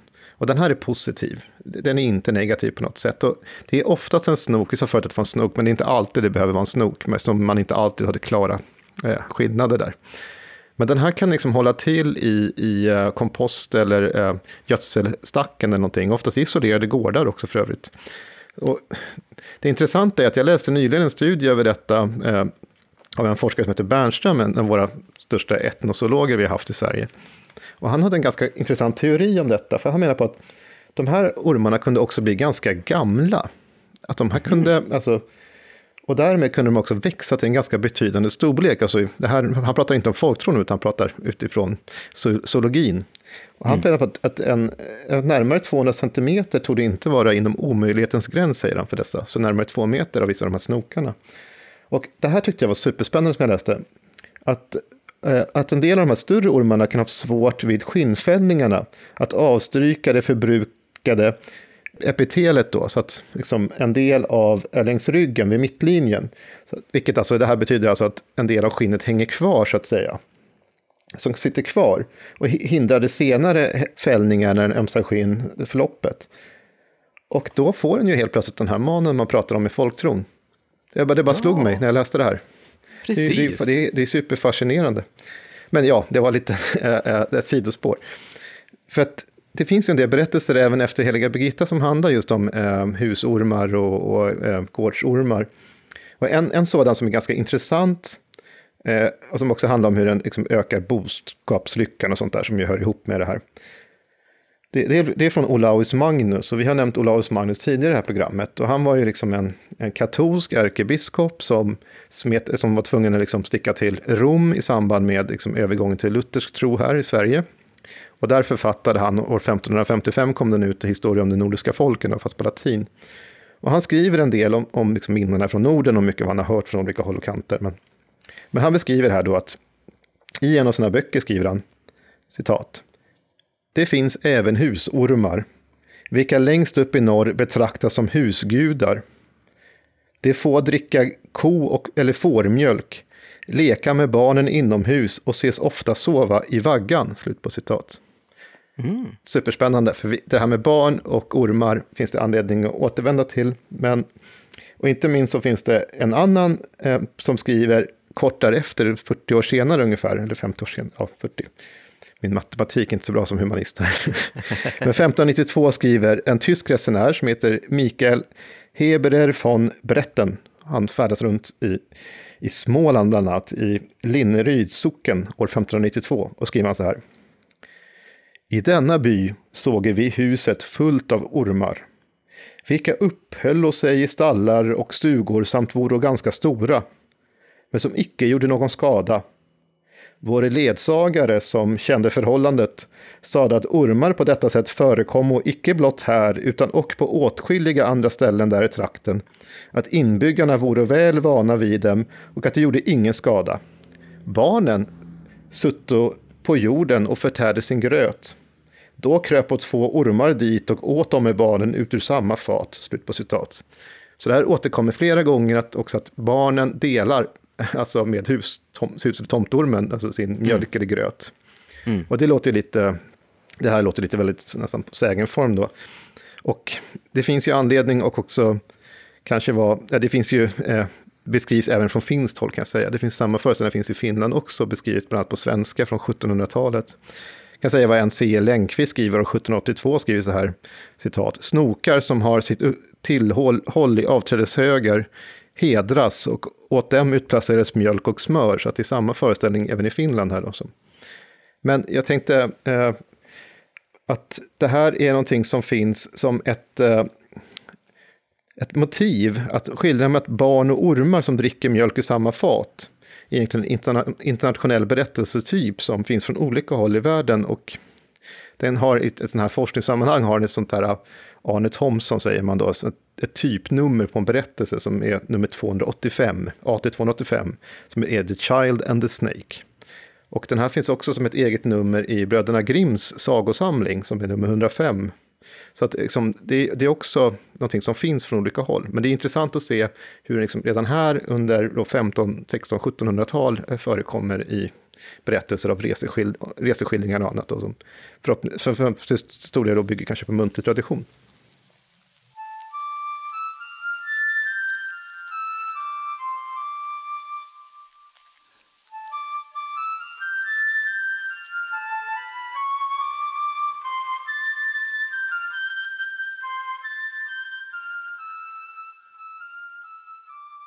Och liknande föreställningar om så att säga, husormar, tomtormar finns också belagda från eh, Norge. Då. Eh, bland annat från 1762 så finns det en, en källa som pratar om liknande ormar. Och den visar sig att den här ormen har också, eh, att den håller till i fähusen, eh, där man gärna eh, där den gärna håller till och en, man tänkte då övertrostanke, som man tar, skriver här då, Eh, Eh, att den för god lycka till gården och att den brukas till läkedom för kreaturen då, att det ska vara. Och att, eh, ja, så, så det, det, är i alla fall en också 1700-talskälla då från Norge istället, som berättar också en del om, om just sådana här husormar. Det är ju intressant att se här, eh, både som du berättar och som Jenny berättar här, att, att eh, ormen får den här ah, funktionen som ett rådande väsen över gården, att man ska sköta sig väl med den här ormen eh, för att man ska få fortsätta ha lycka över gården. Och vi har ju pratat väldigt ofta om, om rådande väsen och, och just gårdsrån. Och att eh, då kanske man först eh, tänker på tomten då, men att eh, ett gårdsrå kan ju få många olika eh, former. Ja, det var som vi sa i avsnittet om, om gårdstomten här, att alla tomtar är på sätt och vis, eh, i alla fall som lever vid gårdar, är ett gårdsrå. Varje tomte vid en gård är, en gård, är ett gårdsrå på sätt och vis, kan man säga. Men alla gårdsrån är inte tomtar, det finns ju andra krafter. Och sen görs det här äh, ännu mer lurigt för att äh, folktrons väsen kunde ju ändra skepnad och form. Så att det är även som Hultén Cavallius pratar om här, att föreställningen kunde ju vara att även skogsrå, ett sjörå eller djävulen själv kunde uppträda också som en, en orm och det gäller även tomten. Så att eh, många av de här väsena kan också ta formen av en orm, så att det inte alltid är lätt att urskilja. De kan förvandla sig helt enkelt till olika saker.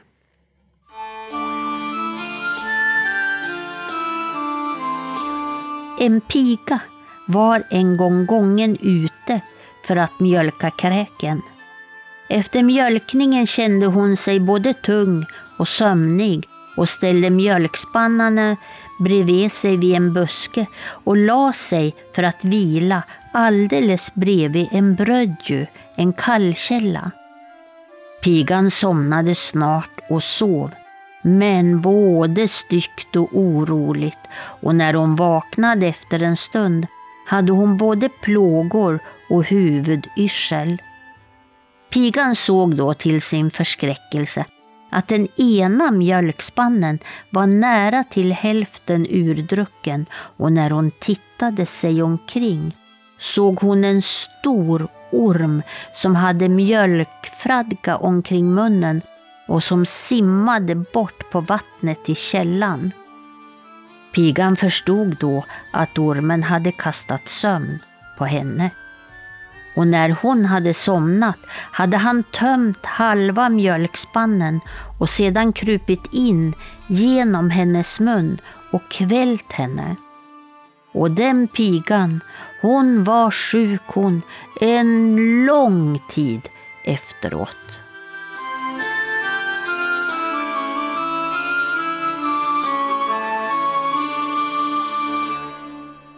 Ja, här har vi ju en, ännu en gotländsk sägen och den här var nästan, nästan lite äcklig tycker jag. Eh, och den här stackars pigan fick en orm eh, rakt ner i strupen.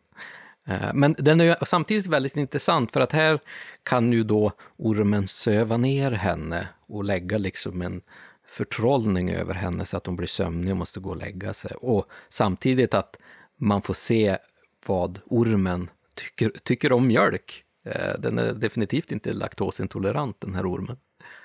Eh, som vi även ser hos de här gårdsormarna och tomtormarna.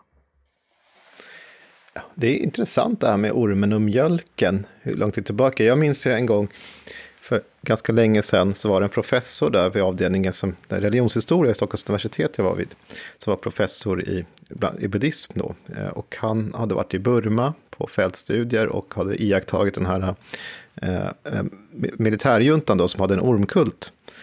Och eh, han såg i templen där eh, att det var fett, en massa såna här eh, feta ormar som låg omkring. Eh, och munkarna menade på heders och samvete att de här, nej men de här, de, de, de dricker bara mjölk. De var ju också, de var inte heller köttätare. Men var på han sarkastiskt skrattade, skrockade och sa att det var i alla fall inga orm, äh, råttor vid templet.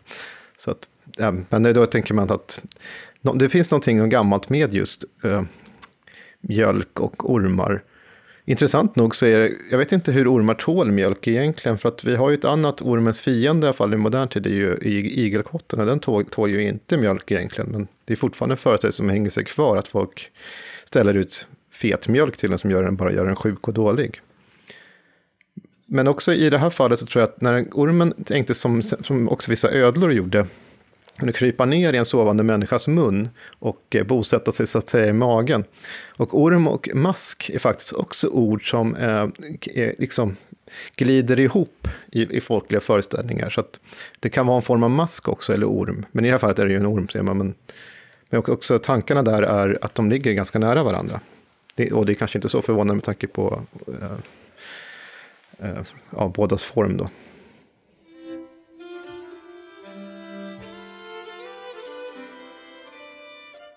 När jag var fyra år hade mina föräldrar en förskräcklig otur med sina kritter.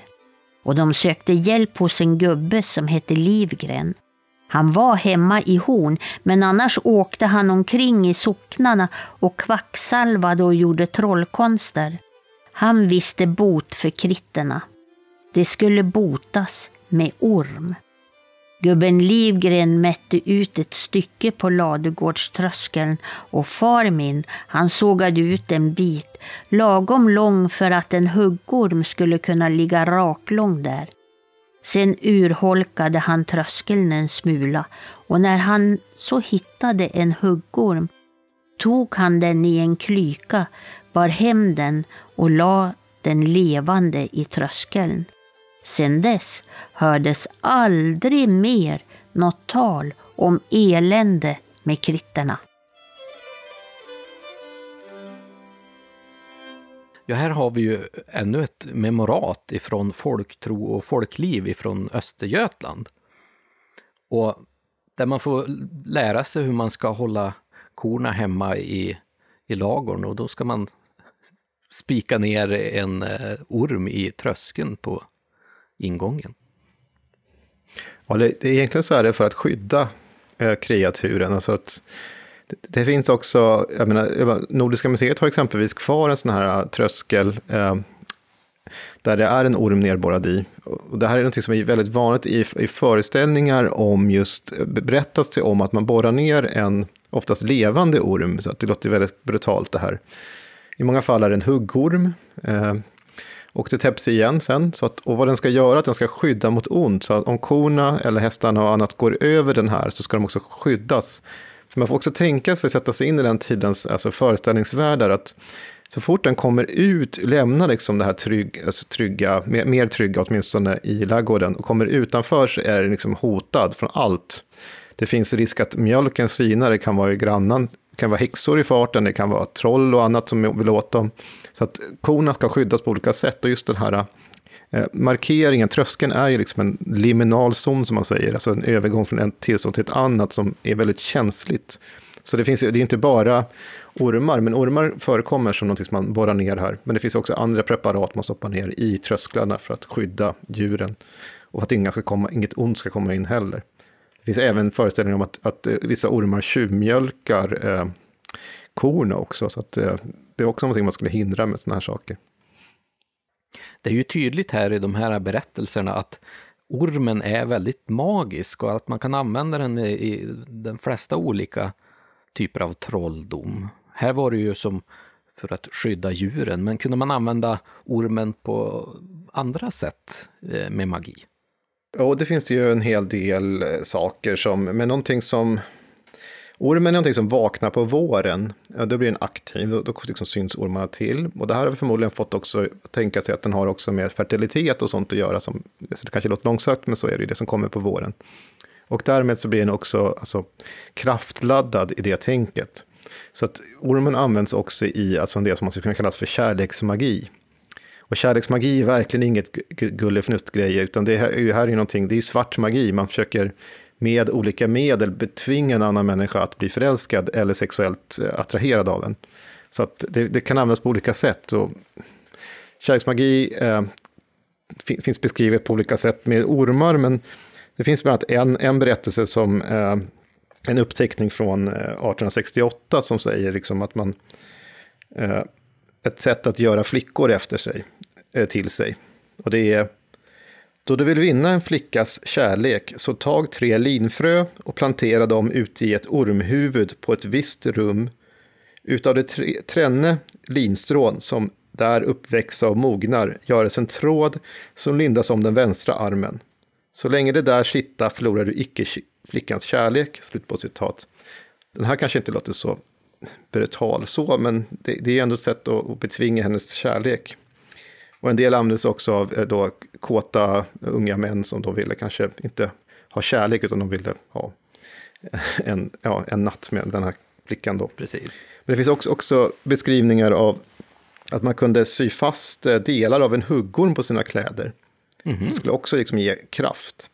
Men mm. man skulle också kunna tänka sig att kyssa den tilltänkta med eh, då en ormtunga eller ormskinn i sin mun. Uh. ja. Och allt det här säger om trolldom nu, så don't try it at home. Det är inte, det är inte, inte på som det inte funkar.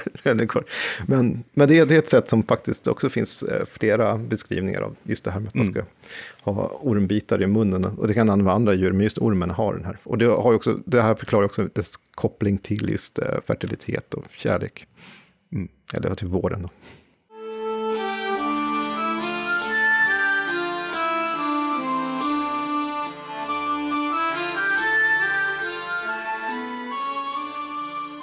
Det är ju väldigt tydligt att ormen har satt sina spår i våran kultur och det ser man ju här i våra myter och våra legender och sagor och i arkeologin också och i konsten. Men i populärkulturen så har den ju också florerat väldigt friskt. Och vi skulle ju kanske kunna göra ett helt avsnitt eh, bara om ormen i populärkulturen, men om vi ska kanske ta ut några godsaker som vi tänker på direkt så här. Och för mig så kanske det är, som såg väldigt mycket Disney-filmer som liten, så tänker ju jag på K här, som är med i Djungelboken. Och det är ju, där har han ju också, eller hon är det väl kanske i, i vissa berättelser, att hon har den här blicken som hon kan hypnotisera Mowgli med. Och sen har vi också en kanske lite mer komisk eh, version och det är ju den här Servais i eh, Robin Hood. Och där har han ju också en sån här funktion lite grann, när vi var inne och pratade tidigare på Ormstunga i Sagan om ringen, att han, han, han viskar där i örat på, på kungen. Men eh, vi har väl även fler, Tommy, som man kanske tänker på? Ja, jag tänker för övrigt att det du berättar nu är väldigt kul, för att det liksom är ju Disney är så bra på att förmänskliga djuren och det är liksom, de här djuren får ju de egenskaperna. Idag är det ju sällan positivt på något sätt att jämföras med en orm. Det är ju liksom nästan bara negativa eh, drag vi, vi associerar med ormar. Men ja, jag tänker på, jag tänker på faktiskt eh, Harry Potter. Och ja. eh, det här trollkarlshuset som är Slytherin, som ju dess symboldjur, världsdjur, är ju ormar. Och återigen så är det ju liksom det elaka, det dumma huset av någon av de här. Så att det, är, det är ju de som associeras med ormar. Annars tänker jag på skräckfilmer, det finns ju ganska gott om dem och en del nästan på gränsen till skräck, ja, som så kultfilmer som är lite komiska, som Snakes on a Plane och sånt där. Och det är väl också lite grann ett mardröms, mardrömsscenario, i alla fall för de som är väldigt ormrädda, att någon ska ha väskor fulla med ormar, giftormar som helt plötsligt väller ut inne på ett flygplan. Men eh, ja, annars finns det ormen överallt, jag menar den är ju en symbol för allt möjligt, till och med kondommärke är ju döpt efter eh, eh, orm som mamba exempelvis, som ska krama ja. åt. Så att det liksom är, finns ju överallt. Det finns ju även ett antal vandringssägner, gör det väl, som är associerade med ormar. Eh, Bengt af Klintberg har väl bland annat skrivit ner några i sin bok Råttan i pizzan. Mm, det stämmer, alltså det här är ju vandringssägner, klintbergare, urban myths som är lite felaktigt har kallats för ibland, som borde vara contemporary legends på engelska. Men det, eftersom de inte bara utbär sig i städer menar jag. Uh, I Sverige kan vi kalla det för Klintberg eftersom, just som du säger här, Bengt af Klintberg är så starkt förknippade med det här, eftersom man samlade in väldigt mycket. Han började på 70-talet, sen över 86 kom Råttan i pizzan, sen kom två uppföljare då, Glitterspray och Stulna njuren. Och de här bygger på mycket berättelser som har liksom förts vidare i muntlig tradition, men också i, i pressen. Så att han har ju samlat och, och de här eh, och har sen kommenterat dem och jämfört olika eh, varianter och fått liksom brev sända till sig från alla håll och kanter. Men någonting jag minns själv från min, min egna, när jag var liten och, och fick tag på råttan i pizzan som vi hade hemma då, som jag kanske först var, främst var fascinerad av bilderna och sen eh, läste jag de här berättelserna som jag också faktiskt då figurerade muntligen ibland på skolor och så. Men, och sen när man blir äldre och mer börjar man läsa liksom kommentarerna som Bengt har efteråt, som idag tycker jag, som jag idag tycker är mest spännande. Men ja, han har ju en då i den första i Råttan i pizzan som heter Boan i toan. Oh, och, den, och den lyder så här, och den här minns jag faktiskt när jag var liten. Eh, en man i Göteborg hade en konstig känsla av att någon iakttog honom när han rakade sig om morgnarna. Men när han tittade sig om i badrummet var det ingen annan där. En morgon fick han den där känslan och han vände sig hastigt om. Då såg han en boaorm snabbt dra ner huvudet och försvinna i toaletten. Det visade sig att eh, ormen tillhörde en granne i lägenheten intill. Han hade rest bort på en vecka och låst in ormen i sitt badrum. Ormen hade ringlat ner i toalettstolen och via avloppsnätet hade den kunnat ta sig till andra lägenheter i huset. Slut på den berättelsen. Och det här är liksom, det är ju inte en isolerad berättelse, det här är en, en, en, en liksom form som Bengt har fått men han har ju också spårat den här tillbaka till eh, olika tidningsartiklar och den här ormen har förekommit på andra håll. Och han jämför den här också med kanske en svensk variant av sig, alligatorerna i, i klakerna som man berättade om bland annat i New York. Mm. För att jag menar, vi, man kan ju räkna på en hand, hand vart alla alligatorer i Sverige finns, och det har inte funkat här. Men, men med att man är rädsla för att i sitt egna hem bli hotad. Och man kan ju byta ut boormen såklart mot en annan giftorm. För Eh, för det är väl det jag tänkte på när jag var liten och satt på toaletten och var orolig för vad som var under i rören där. Och det var väl med kanske en giftorm som snabbt skulle titta upp. Ja, jag kan förstå att det är en väldigt... Man tänker ju nästan, det skulle kunna hända. Och sen är det ju så otroligt känsligt rum för något sånt att hända är också liksom sitta på toaletten. Ja, man, man sitter med brallorna nere helt enkelt. Det är ja. inget, jag har ingen försvar.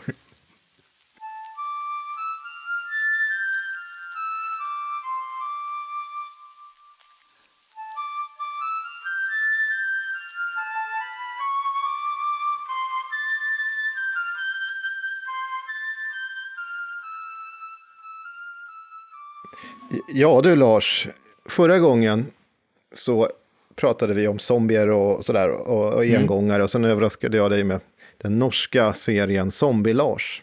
Ja, just det. ja, och vi kan ju inte, jag kunde inte låta det här tillfället gå förlorat. För det finns även en person, och den här har existerat på riktigt, som kallas, i, här är från Köpenhamn då, eller från Danmark, mm. som kallas för Snok-Lars. Snok-Lars var en, en klok, ett, ett danskt original och en klok gubbe. Och han sov med sin stora snok Fritz liggandes bredvid sig i sängen om natten och han menade att det här var ett botemedel mot gikt. Men den här personen har existerat och det finns Så det är Snok-Lars, det får det bli ett nya. Zombie-Lars, Snok-Lars. Får vi se vad vi hittar härnäst. Snok-Lars. Jag kanske får skaffa mig en snok som heter Fritz. Ja, det tycker jag absolut du ska göra.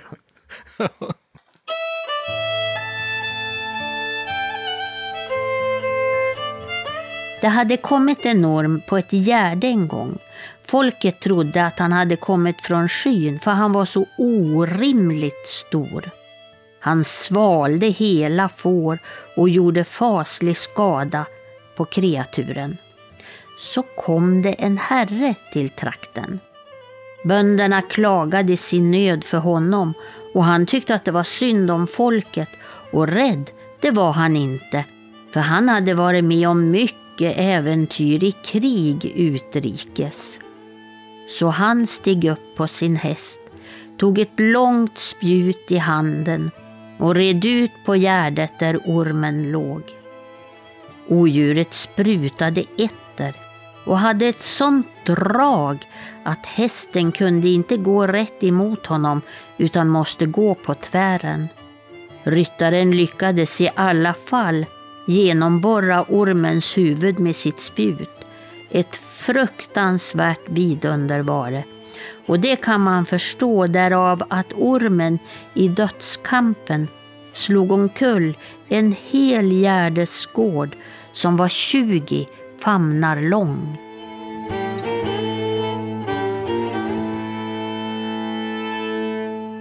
Men du Tommy, nu har vi pratat så himla mycket om eh, ormar och ändå finns det säkert hur mycket som helst att surra om. Så att vi kanske ska ge lite läs och litteraturtips till våra lyssnare och tittare. Om just eh, ormen i folktron. Vi se vad jag kan väsa fram här då. Men någonting jag tänkte på, det, är en, det finns en bok som heter, av en som heter Otto Syrén från 1934 som heter Ormar i fantasi och verklighet, så den kan vara en bra början. Och vi pratade mycket om, eller en del om han, Hyltén-Cavallius som drakormen, äh, draken eller lindormen. Men den boken är ju häftigt och jättesvårt att få tag på. Men det finns en nyutgåva som heter Drakormens gåta. Eh, och den har då inledning och efterskrift och bildurval av en som heter Thomas Malm. Och den här är helt fantastisk. Den skulle jag rekommendera starkt, för den innehåller hela alltså Hylten Cavallius, plus eh, kommentarer och bittexter och sådär som är jättebra.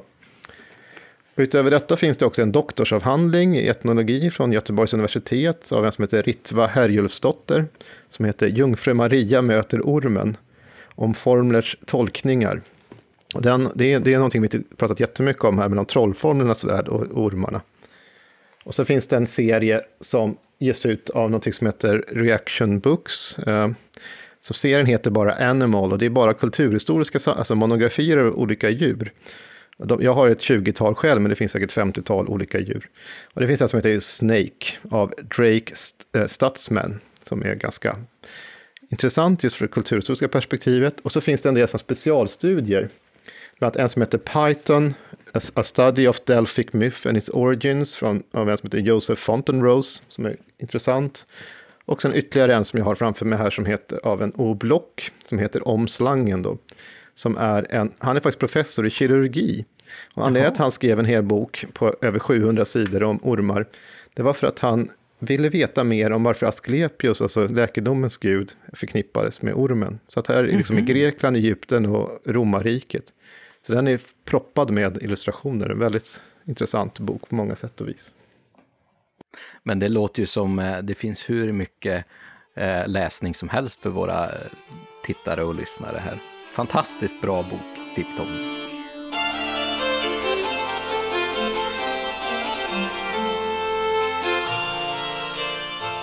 Och nu tror jag nästan att vi har nått slutet på det här avsnittet, även om vi skulle kunna sitta här jättelänge och surra. Men nu har vi i alla fall fått ganska så matiga informationsdelar om eh, ormen i folktron och i myterna. Och jag får tacka så hemskt mycket till våra gäster som har varit med den här gången. Det har varit otroligt intressant. Och ni får jättegärna följa oss på våra sociala medier. På Instagram så heter vi Oknytt Sverige och eh, Tommy heter Suttungsbro. Så det får ni jättegärna gå in och följa oss och se vad vi håller på med. Och såklart så finns vi ju även på Facebook där vi heter eh, Oknytt Sverige. Och där har vi också en Facebookgrupp som heter Eftersnack, när man talar om trollen Eftersnack. Och där samlas eh, väldigt många trevliga människor och där vi diskuterar om de avsnitt vi har och ge oss tips och idéer inför kommande avsnitt, vilket är jättekul. Eh, så då får jag tacka så hemskt mycket den här gången, Tommy, så ses vi i nästa avsnitt. Ha det så fint. Samma. Hej då. Hej då.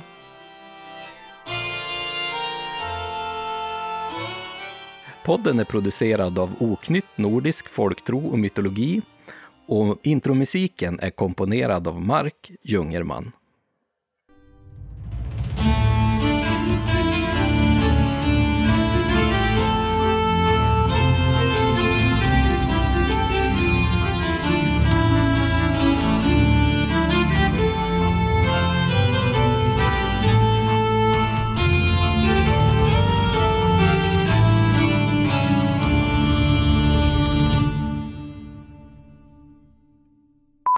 Bra.